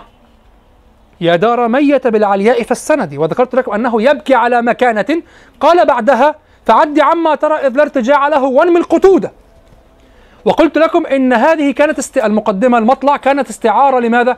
لمكانة ذهبت وطالت أخنى عليها الذي أخنى على لبدي وذكر هذه الوليدة التي رد ردت عليه أو ردت عليه أقاصيه ولبده ضرب الوليدة بالمسحات في الثأد. خلت سبيل أتي كان يحبسه لأنه كان سيفسد الدار. فيقول إن ال- إن العلاقة قامت على ود وخير مدة طويلة وكانت تصلح أول بأول وكان هناك من يصلحها وهي وليدة وليس حتى العبيد. لا كانت وليدة ليس ذكورا. ال- ال- الوليدة التي تفعل هذا وتصلحها وكذا. قلت لكم الترميزات كانت ساقطة كما في معلقة زهير وأكثر. واضح؟ طيب. فذكر أطلالا بكى عليها لكم الأطلال هي العلاقة القديمة التي يبكي على فقدانها. والآن لا مجال لهذا هذا لن يعود بهذا بهذا البكاء على الأطلال ولكن عليك. فتلك تبلغني النعمان الذي هو الأطلال أصلا. علاقته الأطلال صح؟ هل كان بين كعب بن زهير والنبي صلى الله عليه وسلم علاقة قديمة حسنة؟ لذلك بانت سعاد. بدون وقوف على ديار سعاد. لا توجد ديار كانت قائمة أصلا. فقد بانت سعاد فقلبي اليوم متبول مباشرة. أين الديار؟ أين التي تبكي عليها؟ أين هذا النؤي الذي يصلح وردت عليه أقاصيه ولا أقاصيه ولبده ضر ورفعته إلى السجفين؟ فن أين كل هذا؟ لا يوجد أصلا. وإنما هي السعادة بانت منه فجأة والأمان. السعادة الغادرة كانت مواعيد عرقوب لها مثلا. رأيتم؟ اضطراد ليس اضطراد ليس ليس اعتباطيا لا يأتي هكذا اتفاقا واعتباطا. قل للحمار الذي يقول أركب أقول حمار يركب القصاء المط- المطالع وكذا لأنه هكذا يهين القصيدة العربية يهين تراثنا يهين هويتنا أصلا يهين لغتنا التي هي لغة القرآن. يهينها. يقول لك يهين أذهان العرب أصلا أذهان الفصحاء الذين تحداهم الله تخيلوا أن الله تحدى مخرفين. يقول لك لو أتيت ب- بالمقدمات والفصول المشتركة في الرحلة وفي الطلل وأضفتها وركبت أتيت بمجموعة من عشر قصائد من ال ما لا أذكر القائل فلذلك أقول براحتي. لا أذكر عين القائل يعني لأن القول قول يعني غبي. آه يقول فجئت أو قول شخص لم. لم يستقصي يعني. وكان ينبغي أن يتريث في لغته التي هي هويته وكيانه وكرامته. يقول لو أتيت بعشر قصائد من نفس البحر ونفس الحرف الروي والقافية وركبت هذه الفصول المشتركة التي هي ظواهر فنية على القصائد عشوائيا لن يختلف الأمر. لا مختلف الأمر ومضطرد هذا الاختلاف. بانت سعاده.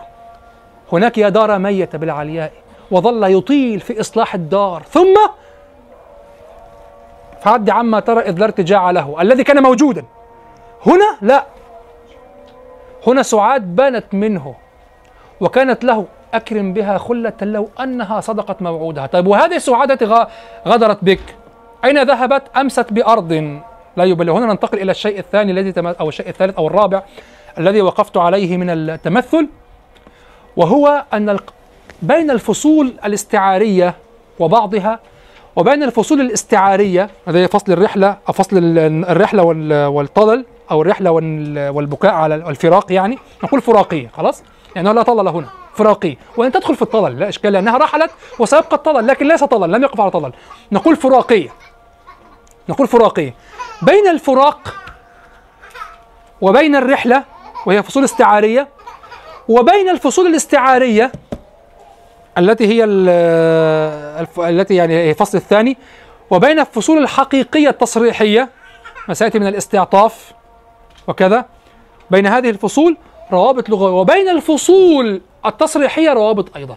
هذه الروابط تكاد تنطق لك بتفسير الاستعارة وتجعلها لك تصريحا. أكثر مما في معلقة النابغة كنت أظن معلقة النابغة قمة في ذلك. وجدتها أكثر من معلقة النابغة يصرح تصريحا. غريب. سعاد. بعد أن بكى على سعاد. التي غدرت به. وأكرم بها خلة لو أنها صدقت موعودها أو لو أن النصح مقبول. ماذا قال؟ أمست سعاد. بدأ الفصل الجديد في الرحلة. أمست سعاد بأرض لا يبلغها إلا العتاق النجيبات المراسيل ولن يبلغها إلا عذافرة. وأخذ يصف هذه العذافرة. وهذه الناقة التي أبلغته. الناقة الآن على طول فصل الرحلة. تسير إلى من؟ إلى سعاد صح؟ انظروا بعد فصل الرحلة في الأخير ماذا يقول؟ يسعى الوشاة جنابيها وقولهم إنك يا ابن أبي سلمى لمقتول. من سعاد؟ من سعاد؟ أنا أرى أن سعاد الأمان ولكن أقول أظن أن أظن والله أعلم. هذا قلت لكم في أول المحاضرة الماضية الأولى أقترح اقتراحا. أظن والله أعلم.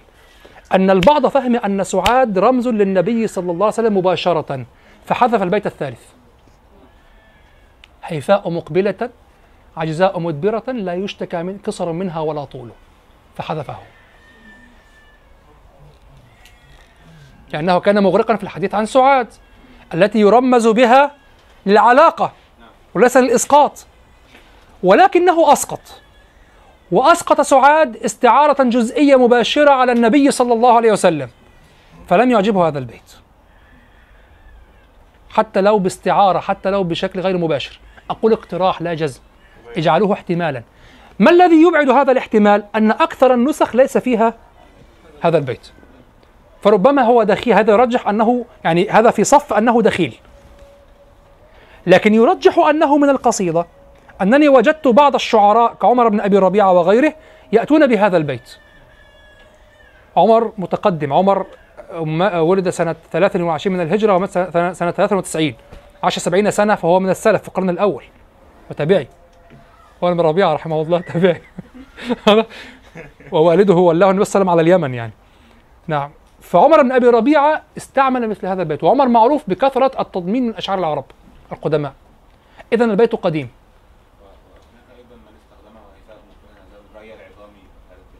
من القدماء أيضا. فإما أن عمر شوف نتردد فعمر إما أخذه من غير من غير كعب من القدماء أو من كعب. ثم أرى أرى أن بنت سعاد أشهر في المسلمين من القصيدة الأخرى. وعمر يأخذ من المشهورات. فصار الأمر ظنيا بشكل كبير. لا اياكم والجزم هنا لا تستطيع. وهذا الاحتمال الذي قلته بعيد. على الأقل بالنظر إلى الاحتمالات الأخرى. لكن وضعته فقط احتياطا لعل. لا تدري ما في الزمن يعني. والتصريح المباشر هنا ماذا؟ يمشي يسعى الوشاة جنابيها. الناقة التي هي من؟ الناقة. هي ولن يبلغها إلا عذافرة كذا وأخذ يصف الناقة. ثم قال يسعى الوشاة جنابيها وقولهم إنك يا ابن أبي سلمى لمقتول فقلت خلوا سبيلي لا أبا لكم فكل ما قدر الرحمن فكل ابن أنثى. أنبئت أن رسول الله أوعدني. إذا هو ذهب إلى سعاد التي دخل بالناقة إلى رسول الله صلى الله عليه وسلم فمن سعاد التي غدرت به وتركته؟ هؤلاء الأقوام الذين حاول أن يستجير بهم فلم يجيروه.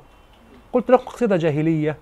هو يبكي على هذه الجاهلية القديمة يبكي على هذا الأمان على هذه السعادة التي ذهبت منه ولم تبقى إلا في مكة إلا في مكة لما ذهب إلى النبي صلى الله إلى المدينة لما ذهب إلى النبي صلى الله عليه وسلم. تفضل.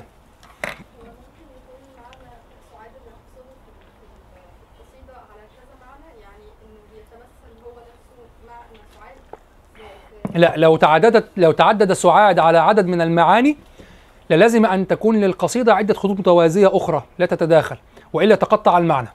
والقصيدة لها سياق واحد فقط متصلة. انظروا إلى الرابط اللغوي أول رابط لغوي في البيت الثالث عشر. قال لك بنت سعاد ثم قال لك أرجو وامل وهذا رجاء وآمل. وفيه فيه إشارة لأن الأمر قد يكون قريبا لم يقل أتمنى. وما إخال لدينا منك تنويله وما تهيأليش أنه يحصل. ثم قال أمست سعاد وبدأ في الناقة التي تحمله إلى سعاد. إذا الآن نحن في فصل الناقة. تحمله إلى سعاد. سعاد سعاد سعاد. ثم يسعى الوشاة جنابيها وقولهم إنك يا ابن أبي سلمى لمقتول. إذا من كانت سعاد؟ هذا الأمان الذي ذهب منه في الجاهلية وبكى عليه. الآن خلوا سبيلي لا أبا لكم فكل ما قدر الرحمن مفعول. نعم. الشخص المباشر للنبي صلى الله عليه وسلم؟ لا. لأنه لم يكن بينه وبينه علاقة سابقة وإنما السعادة بقي الأمان بقي في المدينة.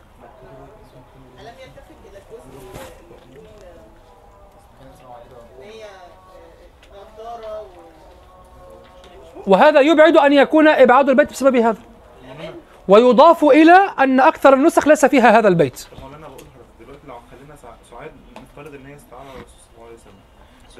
لا تصح سعاد استعارة النبي صلى الله عليه وسلم.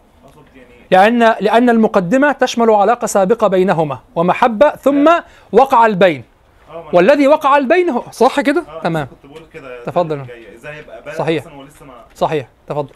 لذلك سعاد ليست النبي صلى الله عليه وسلم السعادة والأمان اللذين اللذان نزع منه. بالضبط. حتى لو بدون ذنب. هناك علاقة سابقة كانت موجودة. أكرم بها خلة لو أنها صدقت موعودها تفضل يا سيدي. سعاد ترمز إلى أخيه وجير لا. لأن بجير جزء ضئيل من الأحداث. الأمر بعيد جدا. القصيدة ليست في بجير بالمرة. بجير مجرد رسول في الأمر. لكن لك لو استحضرت بأن أن أن سعاد هي بجير القصيدة سيكون لها شكل آخر تماما يظهر فيه قضية الأخوة بموقف ما وهو ليس حاضرا هنا. القضية قضية مختلفة تماما. طيب. فهذه الانتقالات اللغوية تجعل من من فصول تجعل فصول الاستعارة في القصيدة تكاد أن تكون فصولا تصريحية تماما. لاحظتم الطريقة؟ وهذا سهل علينا كثيرا تفسير القصيدة في الحقيقة. بخلاف زهير بن أبي سلمى سعى ساعيها غيظ ابن مرة بعدما ولكن زهير بن أبي سلمى في المعلقة الترميزات التي في قصيدته وإسقاطها على القصيدة دقيقة وكثيرة فأغنت عن الانتقال. أو نقول هو احتاج هنا إلى الانتقال كما احتاج النابغة إلى الانتقال. نعم. طيب. آه بقي شيء يجدر التنبيه إليه. مهم جدا.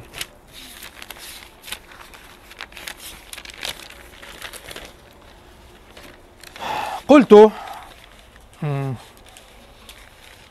طبعا هذه القصيدة على نفس بحر المعلقة معلقة النابغة.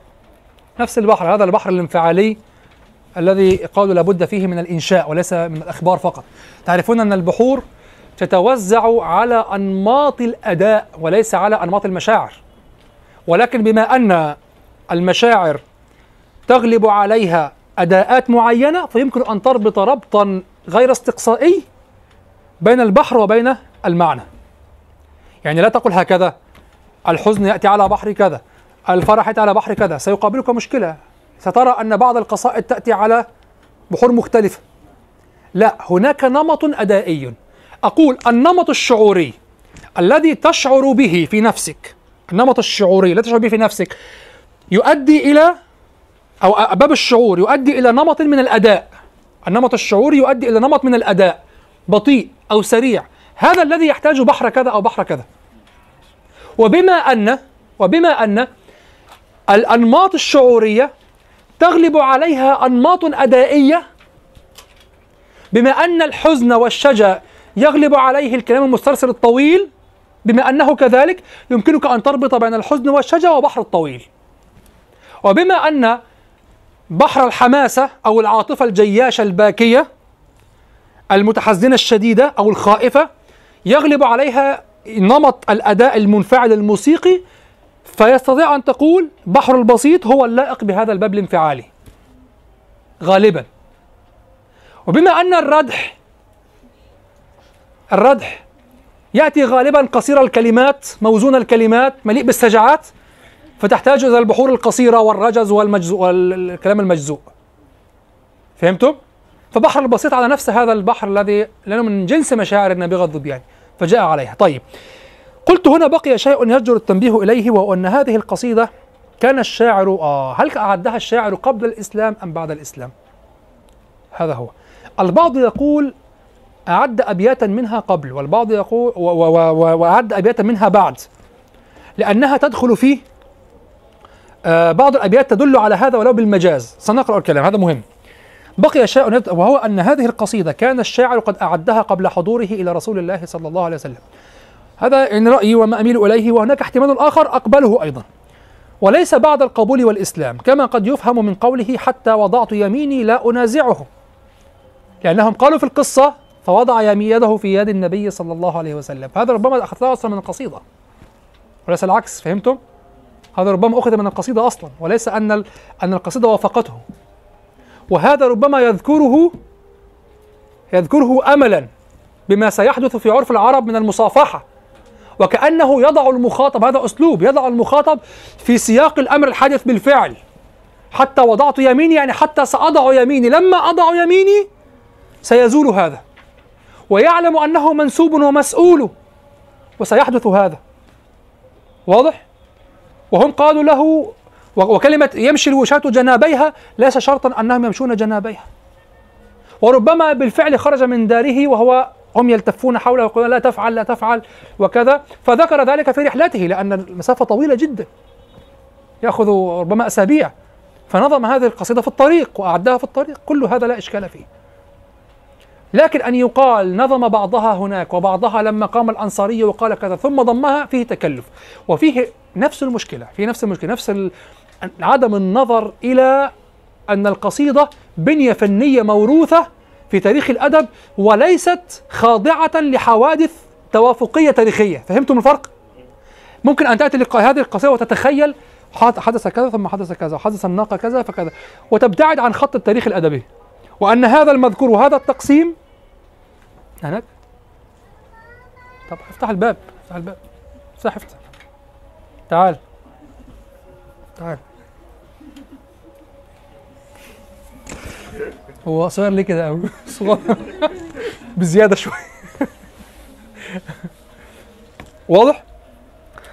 فيمكنك أن تتخيل تخيلات وهذا مما أخذته على الاستاذ محمود شاكر. لا أحد كبير على النقد. الاستاذ محمود شاكر رحمه الله طبعا له أنصار والشاكريون وكذا على العين والرأس. لكن الاستاذ محمود شاكر فعل هذا في قصيدته آه، أو في القصيدة التي يراها جاهليه اراها جاهليه آه، إن بالشعب الذي دون سلع لقتيلا دمه ما يطل. الحماسية في 26 بيتا التي شرحها في كتابه نام صانت مخيف. لا أراها جاهليه ولا أرى لميت الشنفرة جاهليه أيضا. ولا أراها جاهليه أحد الإخوة قابلني في المعرض وهو أخ فاضل يعني كان يريد أن يعرف يعني يدرس وهو يعني عنده فضول للعلم فقال لي لكن ألا ترى أن هذا غريب؟ قلت له غريب بعدما أن أن انساق الجميع وراء محمود شاكر. صار غريبا. صار غريب الآن. كمثلا حديث صححه أو ضعفه الألباني وخالف به حكم الجمهور من قبل فيصير غريبا أن تخالفه. فإذا قلت بقول القدماء صرت غريبا. أقول لك قال النووي يقول لك ألباني. واضح؟ مش في وقت عدى علينا كده من 15 سنة تقريبا أو 20 سنة. صحيح وضعيف يعني كان أواخر التسعينات وأول الألفينات. صحيح وضعيف يعني الالباني وصار هناك تجارة تنزل كتب طبعات شعبية في رياض الصالحين. وكذا صححه الالباني ضعف بأحكام الالباني فأنت عشان تطمن بقى للإيه؟ الاحاديث مع أنه واحد يعني إنما يأخذ شيء هو واحد من علماء الأمة في الحديث بالفعل عالم كبير محدث كبير. وواحد من العلماء. ولا يبلغ شيئا من الترمذي الذي قلتم فيه متساهل.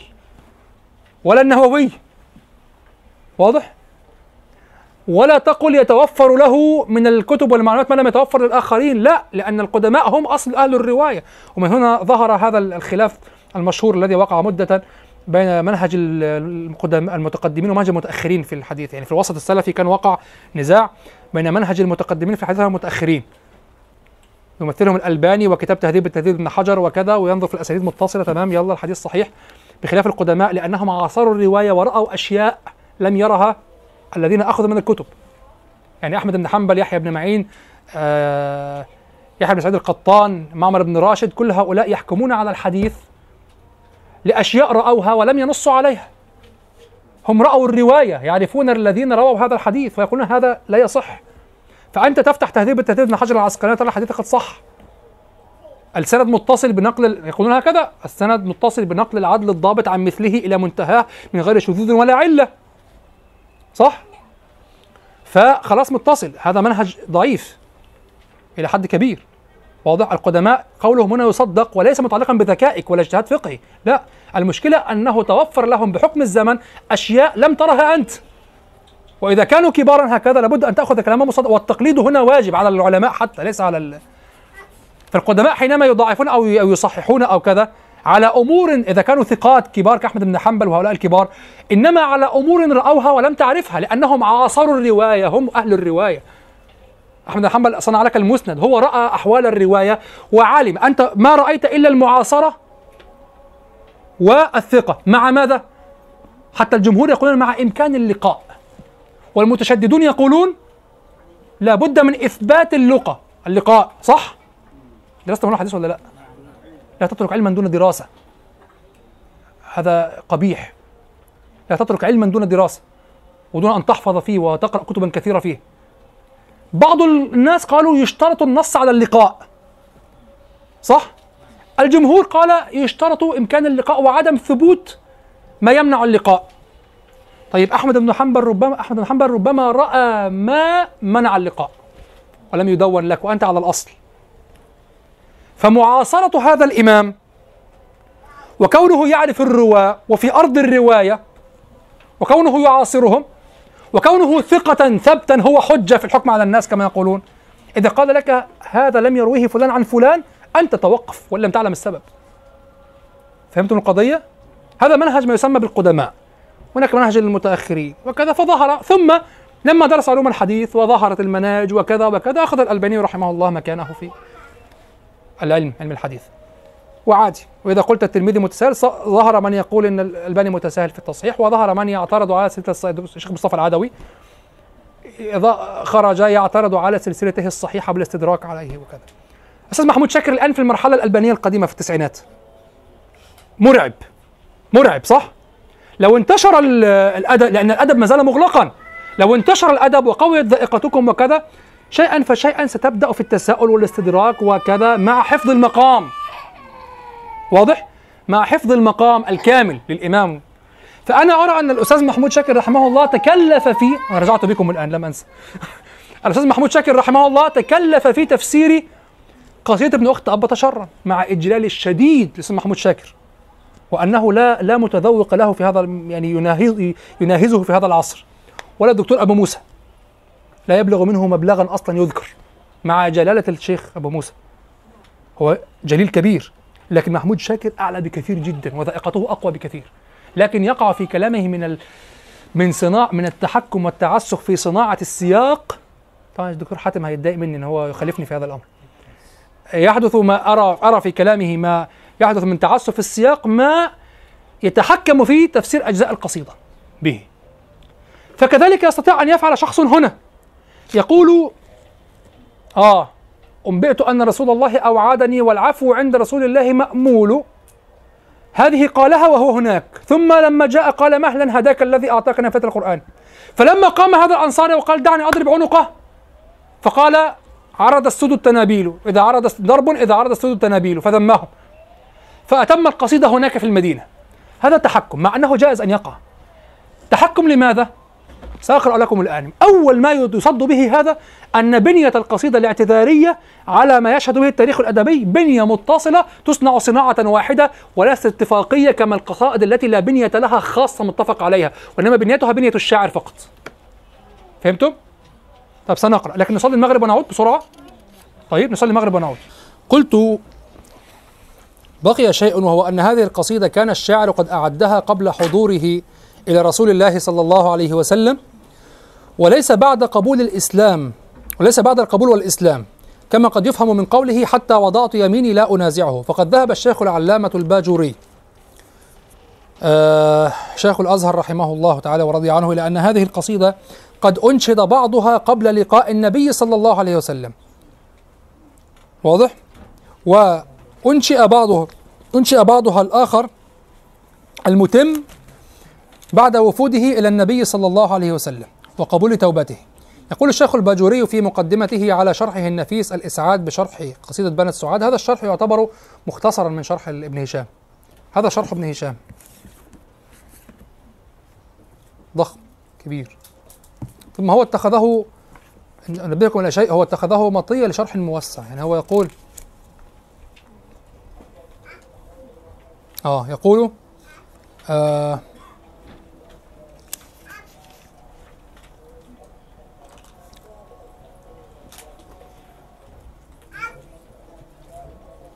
هو ينقل كلام البغدادي في على الحاشية على هذا الشرح. أو نقول نشوف كلام ابن هشام مباشرة.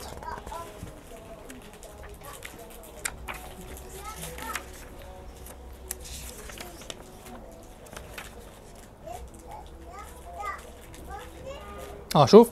والذي دعاني. آه شوف. والذي دعاني إيه؟ إلى ت- إلى هذا التأليف غرضان سنيان ليس سنيان سنيان. أحدهما التعرض لبركات من قيلت فيه صلى الله عليه وسلم والثاني إسعاف طالبي علم العربية بفوائد جليلة أوردها وقواعد عديدة أسردها. يعني هو يتخذ النص مطية للتوسع في العربية وقواعد العربية والتدقيقات والاستثناءات وكذا. وليس من صلب الشرح الشعري. يعني لا تظن أن كل هذا الشرح هو في الصلب. لا هو يتخذ الأمر مطية للتوسع في أبواب الكلمة التي يقف عندها أو الإعراب فيقف عند إعراب معين فيتناول مذاهب النحاة فيه وما قيل فيه وكذا وما ويدقق ويذهب وكل هذا يفعله في الكتاب. ثم على هذه المادة جاء عبد القاهر عبد القادر البغدادي عبد القادر صاحب الخزانة وصنع حاشية ضخمة. كل هذا يتخذ القصيدة مطية أو حجة للكلام في المسألة. وليس مؤثرا بشكل مباشر في الفهم الشعري. واضح؟ طيب. يقول الشيخ الباجوري في مقدمته على شرحه النفيس الإسعاف بشرح قصيدة بنت سعاد الإسعاد بشرح قصيدة بنت سعاد وكان قد أنشأ قبل قدومه المدينة وهو عند الغنم من هذه القصيدة أبياتا. ولما وصل إلى حضرته صلى الله عليه وسلم وقبله وعفى عنه أنشأ تلك القصيدة على وجه آخر مبلغا لها إلى سبع وخمسين بيتا. وعند أنا أقول وعند التأمل لا نجد ما دفع الشيخ الباجوري رحمه الله إلى ذلك التفصيل. انتبهوا إلى ذلك التفصيل. إلا أنه وجد كعبا يقول لا تأخذني بأقوال الوشاة ولم أذنب وإن كثرت في الأقاويل. وهذا واضح في أنه يعتذر.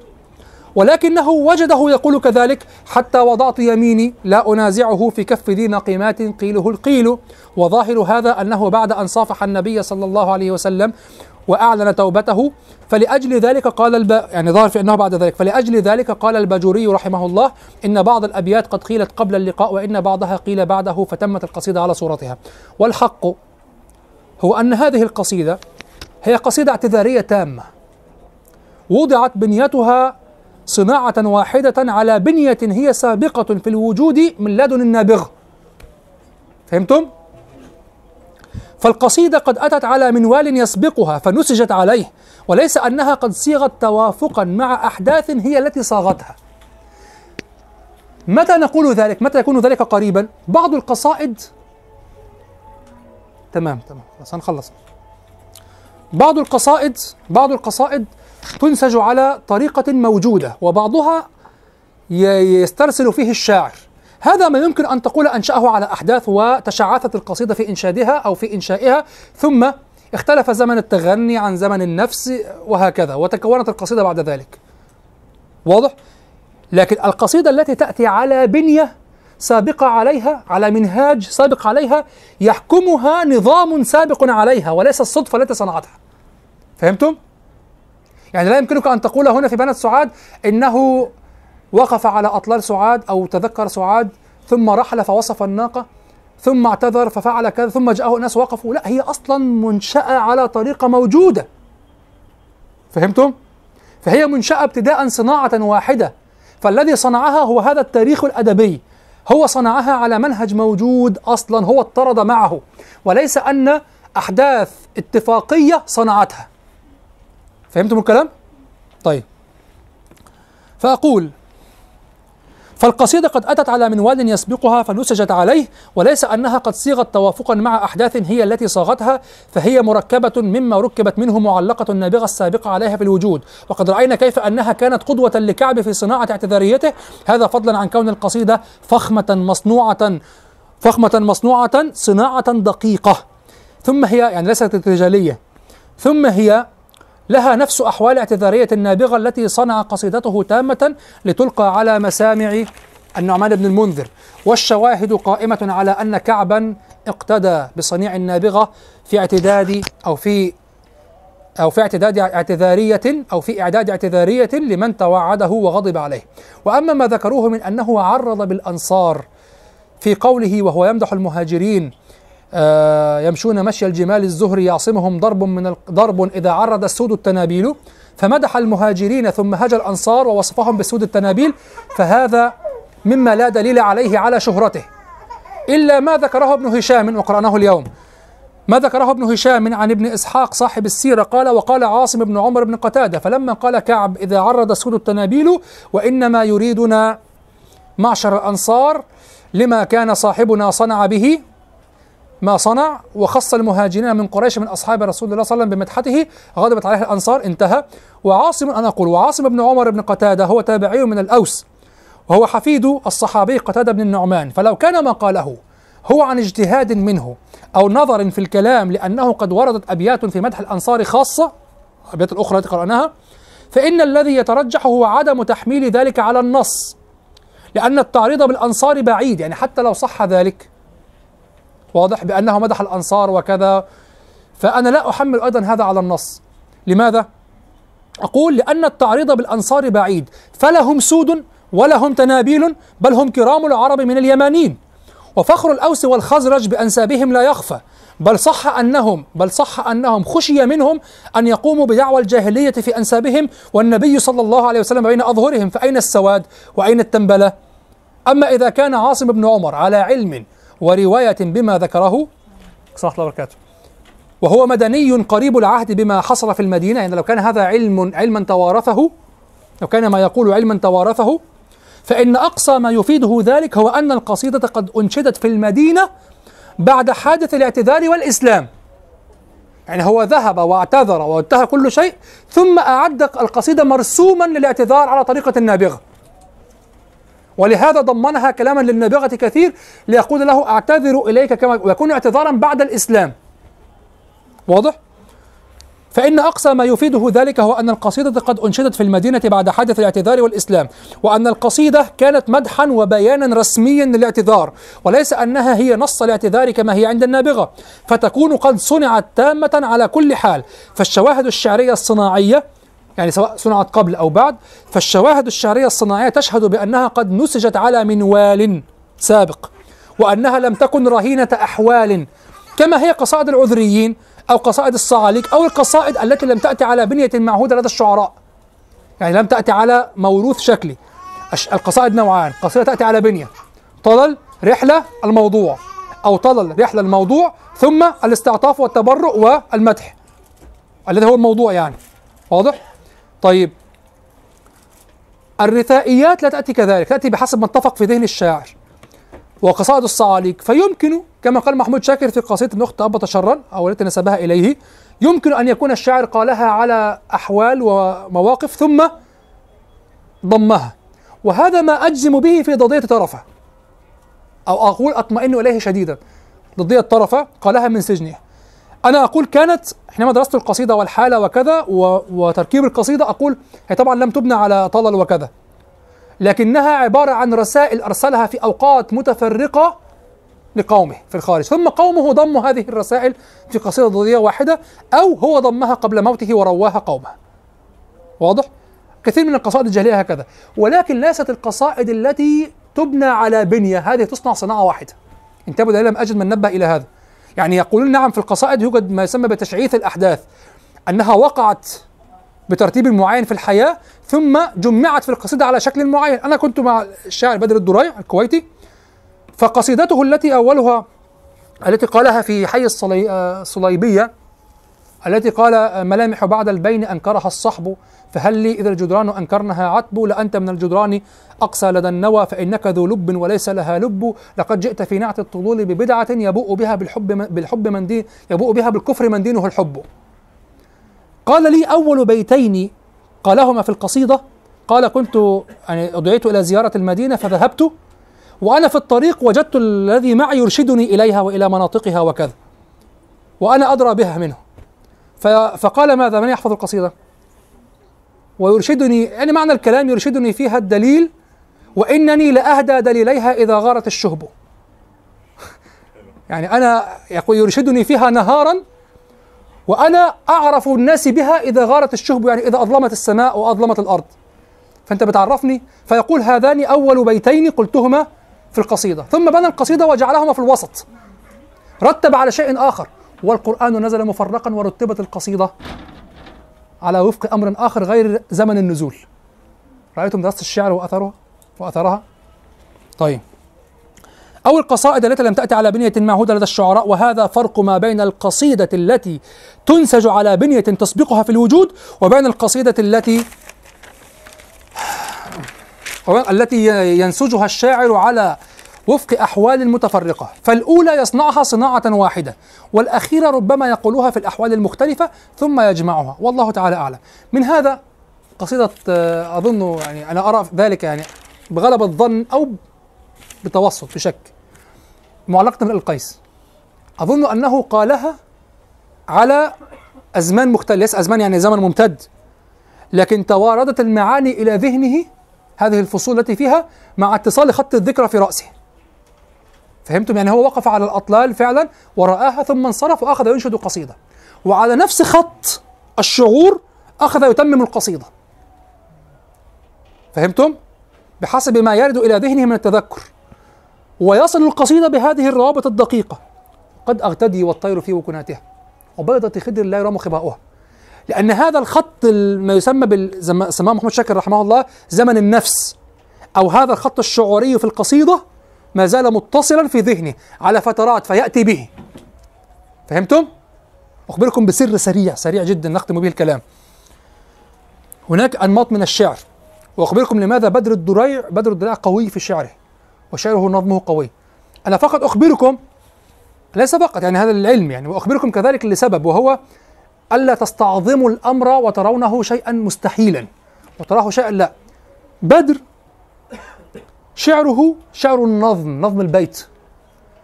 بدر شعر حسيني. حسيني. والشعر الحسيني يلزم كل عام بقصيدة في أهل البيت. هذا معروف هذه شعيرة عندهم. وسأخبركم بشيء ثمين جدا الآن بعد أن أنتهي من هذه القطعة آه فالسنة كلها عنده مجال للقصيدة. ماذا يفعل بدر؟ الموضوع حاضر. هو حر ينظر بيتا بيتا والبيت الذي يتعذر عليه أو يتعثر عليه لا إشكال سيبه للشهر الجاي. ما مشكلتك أنت مع الشعر؟ أنا عايز أخلصه. فماذا تفعل؟ تتكلف القافية. ما أنت مشيت ثلاث أرباع البيت حلو. هقفل الباقي بكلام يعني يحشي بوظته. يبقى أسيبه. هستغنى عنه؟ طب لا لا سيبه. لا ترتبط بوقت. أنا أقول شاعر حسيني يعني ملتزم قد لا يلتزم. هو بدر عرفت أنه لا يحب أن يلزمه أحد بوقت في القصيدة. هذا هو النقطة. لكن عموما يقدمون من شعائرهم يقدمون قصيدة كل عام. واضح؟ أو في هذه المناسبة يعني. فالزمن أمامه مفتوح. فماذا يفعل بدر؟ يضع موضوعا مفتوحا. هكذا. سيبه بس مفتوح خلينا براحتنا. الموضوع عام. وما في داخل القصيدة هو بحر للقول. فهو يفكر في البيت كما يشاء إن شاء الله يقعد شهر في البيت. فيجود وقد يكون ما بين البيت والبيت من الإبداع مسافة زمنية بعيدة. لذلك بدر مقل. مش كتير بخلاف تميم. شعره سريع وخفيف. بدر عميق. صعب. فعلا البيت تشعر كيف قلتها قلتها؟ أنت تتخيل أنه قالها على لحظة جلس وقالها. بدر اعتبر القصيدة التي قالها في أسبوع اعتبر أنه ارتجلها هو قال قال ارتجلتها في أسبوع. هو ارتجل. هو عنده هكذا ارتجل. بدر بطيء في صناعة الشعر. جدا. يفكر ويعتصر ذهنه ويبذل جهده. وهكذا. فما بين ال- البيت والبيت ممكن زمن طويل. لحظة. نعم. لا لا لا لا ليس تكلفا. هذا مذهب في قول الشعر يغلب هو مذهب العباسيين. لحظة. هذه النقطة قضية مهمة جدا جدا. آه فهو عنده أنا أسمي هذه القصيدة حتى يعني نستعمل المصط... نقدم المصطلحات في الفهم. نظم البيت. نظم البيت. هذا النوع من الشعر يضحي فيه الشاعر بشيء ما هو؟ التسلسل السردي. يعني بدر صعب تحفظ قصيدته تحفظ أبيات. لا يوجد تسلسل سردي لأن قصيدته لم تنشأ من الأول على حادثة وشعور متصل يقول فيه الكلام. فالأمر بالنسبة له مفتوح هذا هو السر. المجال مفتوح فيقول كما يقول ثم تقول هذا مراده. فهمتم؟ لم يربط نفسه بحادثة. على العكس هناك شعر آخر يسمى شعر النظم الخفيف. لنقل النظم الخفيف أو الشعر السردي. شعر عمر بن أبي ربيعة. شعر فهد العسكر في الكويت أيضا. شعر وجيه البارودي. أشعار شعر تميم البرغوثي. هذه الأشعار يميزها شيء عكس شعر بدر. ليست عميقة في الأبيات. أنا عايش رعب ليه من الموضوع؟ كل ما ندب كذا حد يقفله. أقعد اسند الدار إيه اللي قاعد على راسي بضحك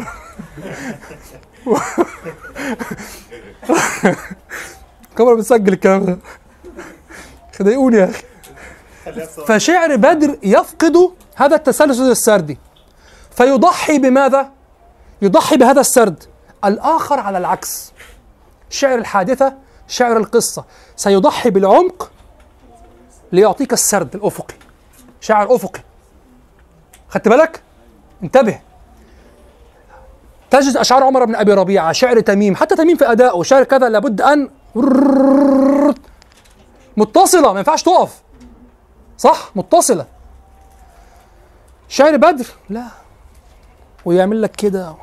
صح؟ هو أصلا لن يستطيع أن يسرع حتى لو أسرع بطيء بالنسبة للأداءات الأخرى.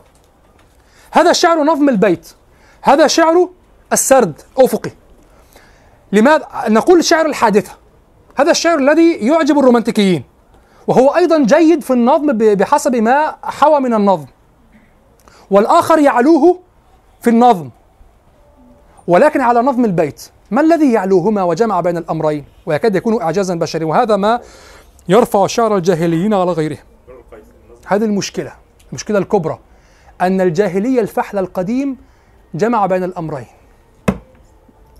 أنه أتى لك بشعر سردي مع تعمق رأسي في البيت. طب استنى إزاي؟ ما إحنا عايزين نفهم الطبيعة دلوقتي. كونوا معي في الأمر.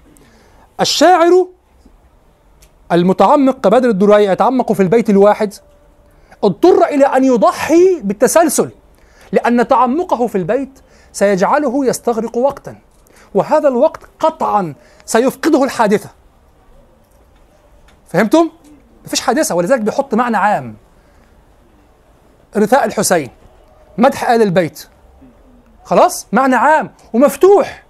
وأذكر الشمائل وأذكر كذا. براحتك براحتك خالص. لكن لو أن هناك حادثة كعمر بن أبي ربيعة سيضطر عمر أو تميم البرغوثي ك آه كم أظهر اشكى من سن وكم كتم هو هذا السطح فقط وليس وراءه بعيد. هذا الشعر الجميل الذي يفهم من سرده سردا هو يريد أن يدرك الحادثة. ولو تعمق في البيت سيفقد الحادثة. فهو اختار بطبيعته النفسية أو الط- الأدبية أن يدرك الحادثة. طبعا هنا تظهر تظهر أنماط الأفراد. اختار أن يدرك الحادثة وأن يضحي بالعمق. لأنه لن يستطيع إذا أراد أن يتعمق لن يستطيع أن يحافظ على ما يسمى بزمن النفس. شاكر. زمن النفس الذي هو زمن الشعور. تفضل أخوك. بلاش أخوك. واحد أخوه مات وحزن فتفجع بقصيدة. لازم تطلع سطحية. نواحية. طيب إذا أردت أن تبكيه على فترات ستفقد الحرارة الأولى. فإما أن تفقد الحرارة وتفقد الموضوع وتفقد السرد للحادثة وتجعل الرثاء عاما وتتعمق في الأبيات كما يفعل بدر وإما أن تسرع لإدراك الحادثة ويظهر متسلسل لكن تفقد العمق. الجاهليون عندهم طول نفس في المعاني قادرون على أن تطول المدة ويحتفظوا بزمن الحادثة. ب ب ب لحظة لحظة لازم كان يكون مترابط وي ويحتفظ بزمن النفس وأن يرجع إلى يتعمق في الأبيات ويستغرق الوقت وهو يستحضر زمن النفس أو زمن الانفعال. ومن أدلة ذلك أنك ترى في كلام القدماء فقط الجاهليين ترى فيها الفصل الطويل حتى في نفس النص بين الشرط والمشروط والظرف والمظروف.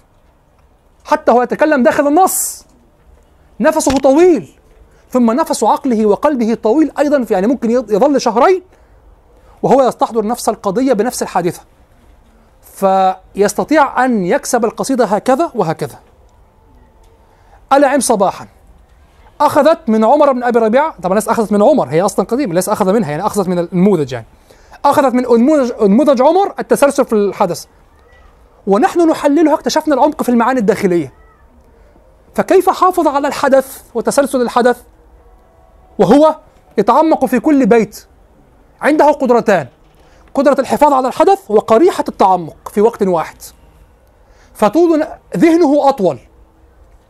يظل ربما على نفس شعور الحادثة القصيدة شهرين. وإذا زال منه الشعور يستطيع أن يستحضره وأن يربط القصيدة مرة أخرى. بنفس التعمق. يعني نفسه طويل. أو لو أنشدها وهو في وقت واحد جلس هكذا جلس سبعة أيام مثلا أو عشرة أيام ينشدها يستطيع أن يحافظ على الانفعال في حال كونه يتعمق فالطاقة التي ذهبت في التعمق لم تقطع الانفعال الأفقي. فائدة أخيرة أقولها لكم سئلت كثيرا من قبل حول لماذا شعراء الشيعة متقنون جدا عن شعراء السنة وكذا ولماذا نرى فيهم فصحاء وشعراء كبار وكذا. هذا عرفت وأنا أتواصل مع بعض فضلائهم يعني من الأدباء و...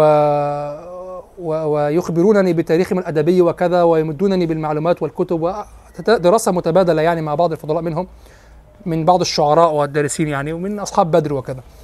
فعرفت شيئا وهو أن إنشاد القصائد الحسينية شعيرة. فلذلك أتقنوا الشعر ويظل فيهم شعراء ما زالوا طالما كانوا موجودين ما وجدوا فيهم شعراء. وأرسل إلي بالأمس كتاب هذا كتاب اسمه الشعائر الحسينية المنصوصة.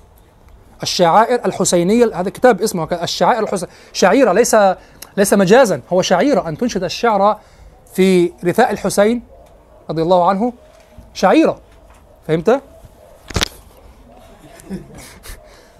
في هذا الكتاب الشعيرة الثانية عشرة إنشاد الشعر في أبي عبد الله الحسين عليه السلام ففي خبر أبي عمارة المنشد عن أبي عبد الله عليه السلام قال قال لي يا عمارة أنشدني للعبدي في الحسين بن علي عليه السلام. فأنشدته فبكى ثم أنشدته فبكى. قال فوالله ما زلت أنشده ويبكي حتى سمعت البكاء من الدار. فقال لي يا أبا عمارة من أنشد في الحسين شعرا فأبكى خمسين فله الجنة. ومن أنشد في الحسين شعرا كلامنا علمي.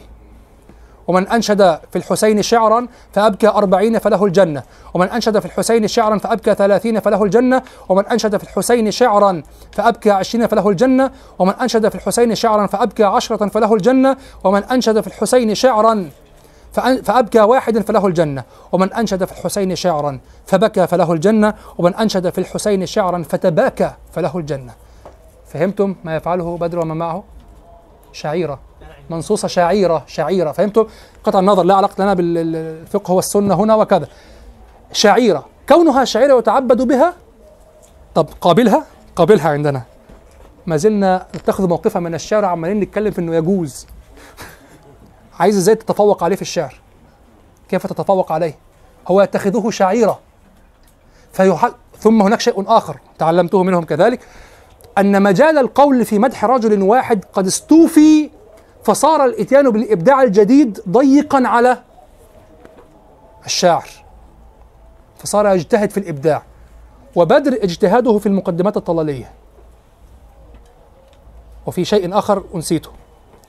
لكن يجتهد هذه المقدمات الطلالية بدر ينتز فيها بالفعل على الشعراء الآخرين. بدر سيسجل في تاريخ الشعراء الحسينيين يعني.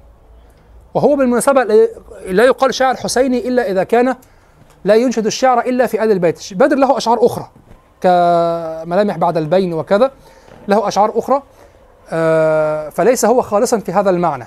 لكن الشاعر الحسيني كما عرفت يعني الحسيني حسيني بحق محمد الحرزي. لا يقول الشعر إلا في مدح آل البيت ومدح الحسين. واضح؟ فهذا هو جواب السؤال والإفادة التي لم أعرفها إلا منذ يومين أن إنشاد الشعر الحسيني وإبكاء الناس به أو التباكي شعيرة سنة شعيرة سنة عندهم. شعيرة شعيرة شعيرة. تفهم شعيرة. دين. دين. أنت عندك بقى إيه؟ ما موقفك. لا لا أقول حتى سلبي. عادي. لا حتى ولا عادي. ليس الشعر عندك كالروايات. تتخذ موقفا. أيوه شعر وعمودي شعر. انت مش شفت يعني هو المسألة عندهم لازم الشعر ده يكون عربي. لابد يكون عربي؟ الله أعلم. هم طبعا فيهم فرص كثيرون. فيهم فرص كثيرون لكن الله أعلم. لكن ما رايت من الحسينات ووقفت على الدواوين وجمعت آه، 24 قصيدة هي أصول أصول هذا الاتجاه الأدبي الشيعي الكبير. هذا الاتجاه لابد أن يخرج من جهة الأدب لينسجم مع الوسط العام لأنه سيرفع غيره. ربما يخرج شعراء من السنة يجابهون والأدب يكسب. واضح؟ لماذا؟ لأن هناك انغلاق شيعي هناك انغلاق. يعني من من عر... ما كان أحد يعرف هؤلاء الشعراء الشيعة؟ لكن أنتم شعركم مبدع. أنا الذي يعنيني هنا الإبداع. لا يعني شيء آخر. آه لا يهمني. لكن كل ما تقول. أنا يعنيني أنك أبدعت فعلا. فأنا أريد لهذا الإبداع أن يخرج على الساحة ال- ما الذي يشكل الساحة الأدبية العامة عند جمهور المسلمين؟ الساحة السنية. الساحة السنية هكذا. طب الساحة الشيعية هكذا ولكن مغلقة معزولة. فماذا لو أزلنا هذا العزل ونشرنا المستوى الأدبي لهذا؟ سيكون مدعاة للتنافس. سيخرج الشعراء من السنة يجابهون هذا الشعر وينتعش الأدب. فلا بد أن يخرج هذا الشعر لأن مستوى عالي جدا. يتنافسون بسبب أنه شعيره اولا وثانيا أن مجال الإبداع على الشعر ضيق هو في حرج شديد. أنت تمدح نفس الرجل كل سنة كيف تس- تذكر هذا المدح؟ قالوا بدري أبدع في المقدمات الطلالية. قالوا ربما في الصور لا أذكر الوضع عندي عندي المعلومات عندي. وأبدع في شيء آخر يعني يدرسونه كشاعر حيث كونه شاعرا حسينيا في مأزق أن يتعبد بهذا الشعر وأن وأن يحسن وأن يبدع فيه لا يأتي ب- بمقلد وما زلت تسمع شعر بدر وتنبهر وحينما قرأت هذه القصائد الحسينية أو كذا تذوب منها. نعم يجتهدون ابداعا. يجتهدون تذوب المقدمات الغزلية فيها تذوب منها ذوبا يعني. غريب غريب. شكرا وجزاكم الله خيرا. هو الذي بعث في الأميين رسولا منهم يتلو عليهم آياته ويزكيهم ويعلمهم الكتاب والحكمة وإن كانوا من قبل لفي ضلال مبين.